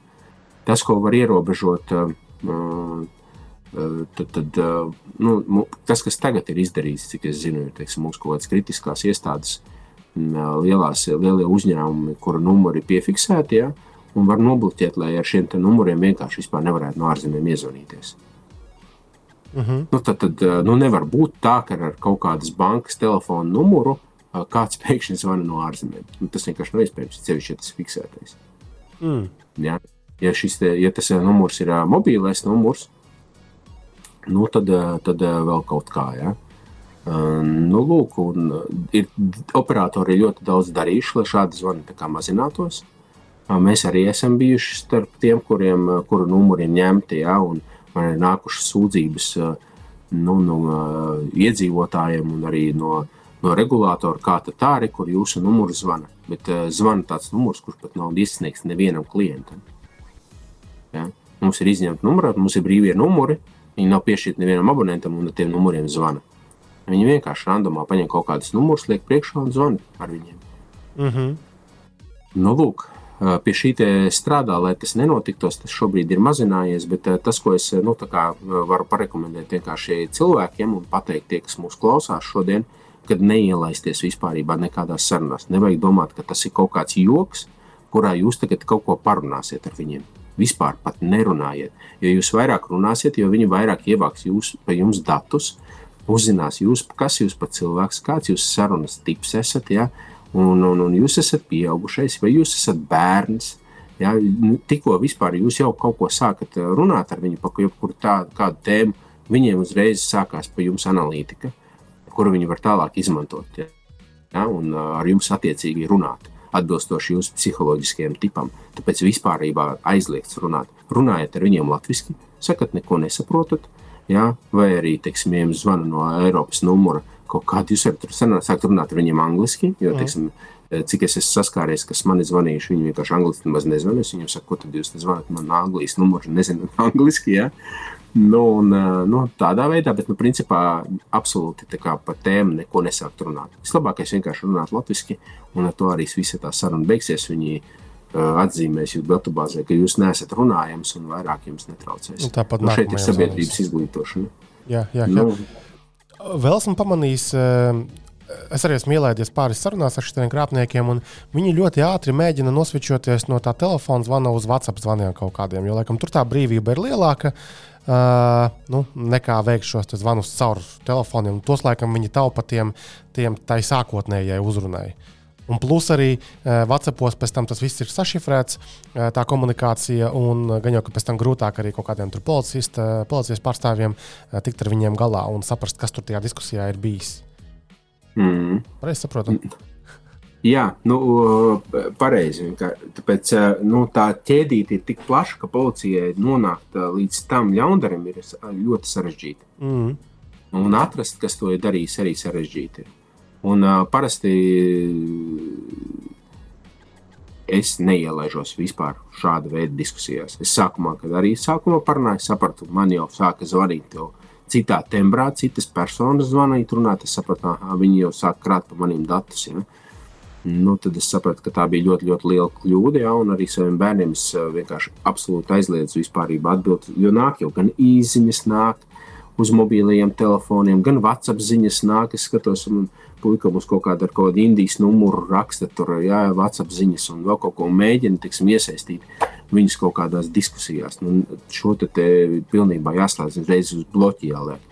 Mm. Vislabāk ir likt bloku numuru, tāpēc, ka uh, visi numuri, ja jums zvana no kaut kāda tur, um, nu, plus tur uh, Eiropas numura vai Amerikas numura, uh, jūs varat ņemt vērā vienu faktu, ka tie numuri viņiem ir ierobežoti. Uh -huh. Nav tā, ka viņiem ir miljonus numuru, no kuriem viņiem varēs jums piezvanīt. Jūs nobloķēsiet viņiem desmit numurus, un jūs vairs vienkārši nevarēsiet sazvanīt. Ja, jo numuri ir maksas resursi, viņi pārdodas. Jā. Lūk. Ja, un operatori ļoti strādā pie tā, lai nevarētu pazvanīt ar šiem tukšajiem numuriem, neidentificētajiem numuriem, nu, kā, kā iepriekš to varēja vēl izdarīt. Ja? Piemēram, uz Ameriku šobrīd vispār nevar piezvanīt ar jebkādu no Amerikas numuru, jo jābūt, ir, ja šis zvans nāk no e Eiropas operatoriem, tas ir jābūt atsevišķajā datubāzē Amerikā reģistrēts, ka šādu numuru vispār var piezvanīt no Eiropas. Mm. Nu, noslēgumā šai tēmai ir jāsaprot, ka tas ir nu, organizētā noziedzība. Tas nav Jā. tā, ka vienkārši tur sēž kaut kur mājās, tur tā hihihaha. Tur ir zvanu jā, centri. No, no. Tepat Rīgā taču arī bija aizturēts, man liekas, salīdzinoši nesen. Normāls, milzīgs oficiāls iekārtots. Tu, tu ej uz darbu, kā nezinu, parastu oficiālu darbu, bet tu nodarbojies ar, ar šīm krāpnieciskajām darbībām. Tur ir mm. liela nauda, lielas atbildības un, un cerams, nu, jā, ka lielas tāpēc, cilvēki jā, viegli prātīgi attiecās un, jā, un viņiem izdodas apmānīt. Okay. Tāpēc jau ir tāda tā, tā, tā digitalizācija. Ir. Nu, daudziem varbūt tām negribās iedziļināties, mācīties, bet cilvēkiem ir, ir jāskatās tā digitalizācija. Jo tie, kas tajā jautājumā neiedzel, nu, neiedziļināsies, viņi kļūst par upuriem. Yep. Jā, tā ir. Uh, vēl es kaut kā beigās aizķeru visu, ko tu pats teici. Tātad tu pats pieminēji uh, tēmu ar nosaukumu iedzīvotāju apziņošana. Mm. Kā ir? Ot, labi, tagad Covid krīze mēs esam pāri tai tikuši, un tur jau mēs sapratām, ka nu, ar to apziņošanu iet kā iet. Kur ir tā problēma? Kāpēc nevar uh, vienkārši aizsūtīt kaut kādu nezinu, zvanu vai īziņu uh, visiem Latvijas iedzīvotājiem uh, uzreiz par kaut kādu notikumu? Vai pie tā tiek strādāts? Kur ir tās problēmas? Nu, kā šie diapazoni visiem zināmi ir, Vai tas ir tehnisks jautājums vai likumisks jautājums? Mm, es domāju, tas ir izmaksu jautājums. Aha. Ja? Un varbūt arī likumisks jautājums. Uh, nu, jo cik es esmu saskāries, ja es braucu cauri Polijai, uh, tad um, nāk kaut kāda vētra, man vienmēr atnāk īziņa. Tuvojās vētra. Esiet uzmanīgi. Viņiem kādreiz. Jā, man, man, Ka, kaut kur jā, bet ir taču vēl arī tā, tā cell info, nu, kas arī šur tur mēdz parādīties. Ir dažādi veidi tie jā. paziņojumi, ne visi ir īziņas. Latvijā nekas no tā nedarbojas, manuprāt, vēl. Nu, tāpēc, ka vienkārši nav ieviests. Nu, līdz tam nav tikuši, bet to var izdarīt. Viens ir, nu, skatoties, kā to likumu atrunā, kā tas operatoriem jānodrošina. Ja? Bet uh, tas ir izdarāms. Jā, ja tuvojas vētra, tad īstenībā iedzīvotājs var uh, apziņot visus par to, ka tuvojas vētra. Un, un ja tās... Tas varbūt nav, varbūt tā mums, es nezinu, viņas nav tik katastrofālas, tās vētras. Vēl. Nu, jebkura, vēl nu, cerams, ka arī nebūs. Bet, uh, nu, nav mums tas, bet tas, nav, tas, tas ir izdarāms. Vienkārši tas šobrīd nav ieviests. Tas, jo. kas ir izdarīts, tas ir vismaz mums ir viens, viens, divi. Mm, ir ieviesta sistēma, kad, ja jūs zvanāt no mobilā telefona, tad uh, viņi redz atrašanās vietu, kur jūs atrodaties. Ja jūs esat, in, uh, viņi, ja jūs esat internetu pārklājuma zonā, tur, kur nu, ir internets pieejams, tad viņi redz precīzu atrašanās vietu uh, pēc GPS datiem, jo mobilais telefons aizsūta informāciju par atrašanās vietu, piezvanot uz 112 uh, precīzi. Bet tam jābūt internetu pieslēgums. Ja nav internetu pieslēgums, nu, tad jā, viņi redz to triangulāciju pēc bāzes stacijām, kas ir absolūti neprecīzi un jūs neviens neatradīs. Ir ja tīpaši ārpus uh, apdzīvotām vietām, tur, kur bāzes stacijas ir attālāk viena no otras, tur ir. Nu, nu pat pilsētā. Pat arī pilsētā. pilsētā. Jā. Tur, jā, jā, jā, tur es esmu skatījies tās kartes, nu, tur tik neprecīzi. Es pats dzīvoju Baložos, un, un, un, un, un tad uh, Man pat, nu, ja, ja visi zina, kur ir balvoži, ja, tad uh, tur rādīja, ka es esmu varbūt arī valdločos. Ja. Nu, nu, gabals. Tik, nu, tur, tas ir gabals, nu, kur tu tur atradīsi? Tur, pa ceļa, ceļa meži tur. Nu, nu. Un ātri gaita šosejas, tur tālāk jums tagad vajadzētu. okay.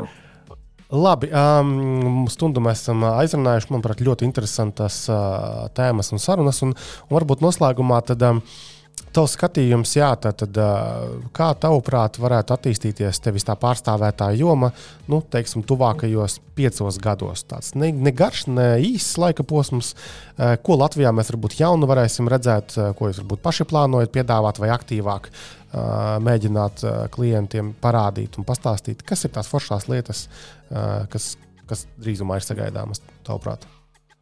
Šajā jomā? Tuvāko piecu gadu laikā ļoti daudz uzņēmumu ieviesīs CRM risinājumus. Uh mhm. -huh. Jo līdz šim liela daļa izmantoja, nu, tas ir viens no pakalpojumiem, arī, kuru mēs attīstām, kur, kur, ko mēs strādājam, ieviešam. Līdz šim liela, nu, lielākā daļa uzņēmumu izmantoja dažādas grāmatvedības programmas, tur ERP sistēmas, ja, kurās viņi veda arī klientu datubāzes. Tagad es redzēju, nu, ka pieauguši pieprasījumi, ka cilvēks skatās par klientu apkalpošanu, ja klientu servisu uzlabošanu, teiksim, ievieš šīs sistēmas. Uh, Jā, protams, mēs saņemsim aizvien vairāk un vairāk dažādus robotu zvanus saistībā ar atgādinājumiem par parādiem, par pierakstiem un dažādu mums svarīgu informāciju. Es domāju, ka mārketingā maz šos risinājumus izmantos. Nu, jo operatori arī to šādu pakalpojumu kā, nu, pieprasa kā atbilstību. Cilvēki nu, maz kas grib vispār saņemt mārketinga zvanus caur robotu, bet saistībā ar to informāciju, kas man ir aktuāla, kas man ir vajadzīga, uh, nu, tur ir pozitīvs skatījums, un šī gadījumā mums ir visiem jābūt atbildīgiem par to, lai cilvēki saņemtu teksim, to informāciju, kura viņam ir vajadzīga. Nevis visu kaut ko pēc kārtas. Nu, lūk, tad es domāju, ka mums aizvien vairāk un vairāk to, pēc gadu laikā pie, ieviesīsies saziņa ar klientiem, parādīsies caur WhatsApp. Neattīstīsies šis saziņas kanāls. Mēs vairāk redzēsim uzņēmumus, kuri piedāvā mums šādu veidu saziņas kanālu. Un, protams, nu, virzīsimies uz to mākslīgo intelektu. Ja? Nu, kaut gan tur ir daudz un dažādas problēmas, un es eh, nu, neredzu īstenībā tuvāko piecu gadu laikā, ka tas būs kaut kāds uh, main trends, kas tiks izmantots tieši klientu apkalpošanā, ka mēs zvanīsim un runāsim ar robotiem. Droši vien, ka kaut kas mēģinās, bet es vēl neesmu redzējis nevienu tādu ļoti veiksmīgu modeli. Nu, šobrīd, nu, tad, ja es redzētu veiksmīgu modeli tagad, tad pēc pieciem gadiem tas būtu tirgu. Ja? Mm -hmm. Bet šobrīd veiksmīgu modeli es neesmu redzējis. Latviešu valodā, tāda ir angļu valodā, tāda ir citās valodās. Nu, tad pieci gadu tas periods ir, kad aizie ievies vienam, otram, trešam. Ja? Cits tirgus sāk skatīties, ok, mums arī vajag, izveidojies tāds pieprasījums. Ja? Un tad mēs to varam sagadīt. Tagad nu, es tādu nu, šo, šo lietu tā neredzu. Tāpēc jā, nu, viņu varēs izmantot citās jomās. Nu, tā. Nu, jā. nu, tas, tas, ko es paņemšu no šīs sarunas kopā ar tevi, tad uh, nu, tie rīki ir vienmēr vairāk vai mazāk biju, pie, bijuši pieejami. Nu, tagad parādās kaut kādi citi rīki. Galvenais ir tas, kā mēs tos rīkus pielietojam, lai būtu tiešām noderīgi nu, pret klientu vēstas aktivitātes. Jo, piemēram, viens tas uzskatāms piemērs ir par tām vizītēm. Nu, tu jau no uzņēmuma puses pastāstīji, ka tam ir jēga, ka aizpildās tiešām tās tā, ārstu prakses, un arī no gala lietotājiem tad, la, labāka pieejamība šiem pakalpojumiem un tā tālāk un to, tā joprojām. Tad atkal sadzird dzirdēju tavā sarunā, nu, ka tā likumdošana, kas ir Eiropā, nu, GDPR un vispārējais, darbojas. Nu, privāti personas mēs salīdzinoši labi varam justies. Nav tā kā Amerikā, kur nu, jaunu simkarti ielika un tev būs pirmajā pusstundā jau zvans. Vismaz viens mm -hmm. vai mhm. vairāk ir robo. Un, um, nu, jā, nu, tad vienkārši jātur uh, acis vaļā. Un tas trešais punkts ir tas, kas krāpnieku kontekstā. Nu, Var jau naivi domāt, ka, nu, uh, ka tas neskars, bet nu, visdrīzāk tas mūs skars. Tad, gribi, negribi, pašam tomēr ir jāseko līdz tām aktualitātēm un jābūt ārkārtīgi skeptiskam pret visa veida ienākošiem, ne tikai zvaniem, bet komunikāciju no, no, no nepazīstamiem cilvēkiem. Jā, uh, jā. tā ir skatā e-pastiem, mājaslapām, jā, nekur nav pazuduši. Ziņām, jā, jo tas viss kopā savācās. Jā atbild uz zvanu, viņš jau tev ir aizsūtījis e-pastu, viņš tev ir aizsūtījis, viņš jau saprot, ah, šito tad mēs darīsim, strādāsim šādā veidā. Jā, Jā esam uzmanīgi, mācāmies, attīstāmies un Jā. tad būsim drošībā. Jā. Labi, tad es teikšu milzīgu paldies Jānim Strumpmanim, CSC Telekom komercdirektoram par šo interesanto sarunu. Paldies, Jānis. Jā, paldies tev, ka uzaicināji. Jā, tā. tā. Čau!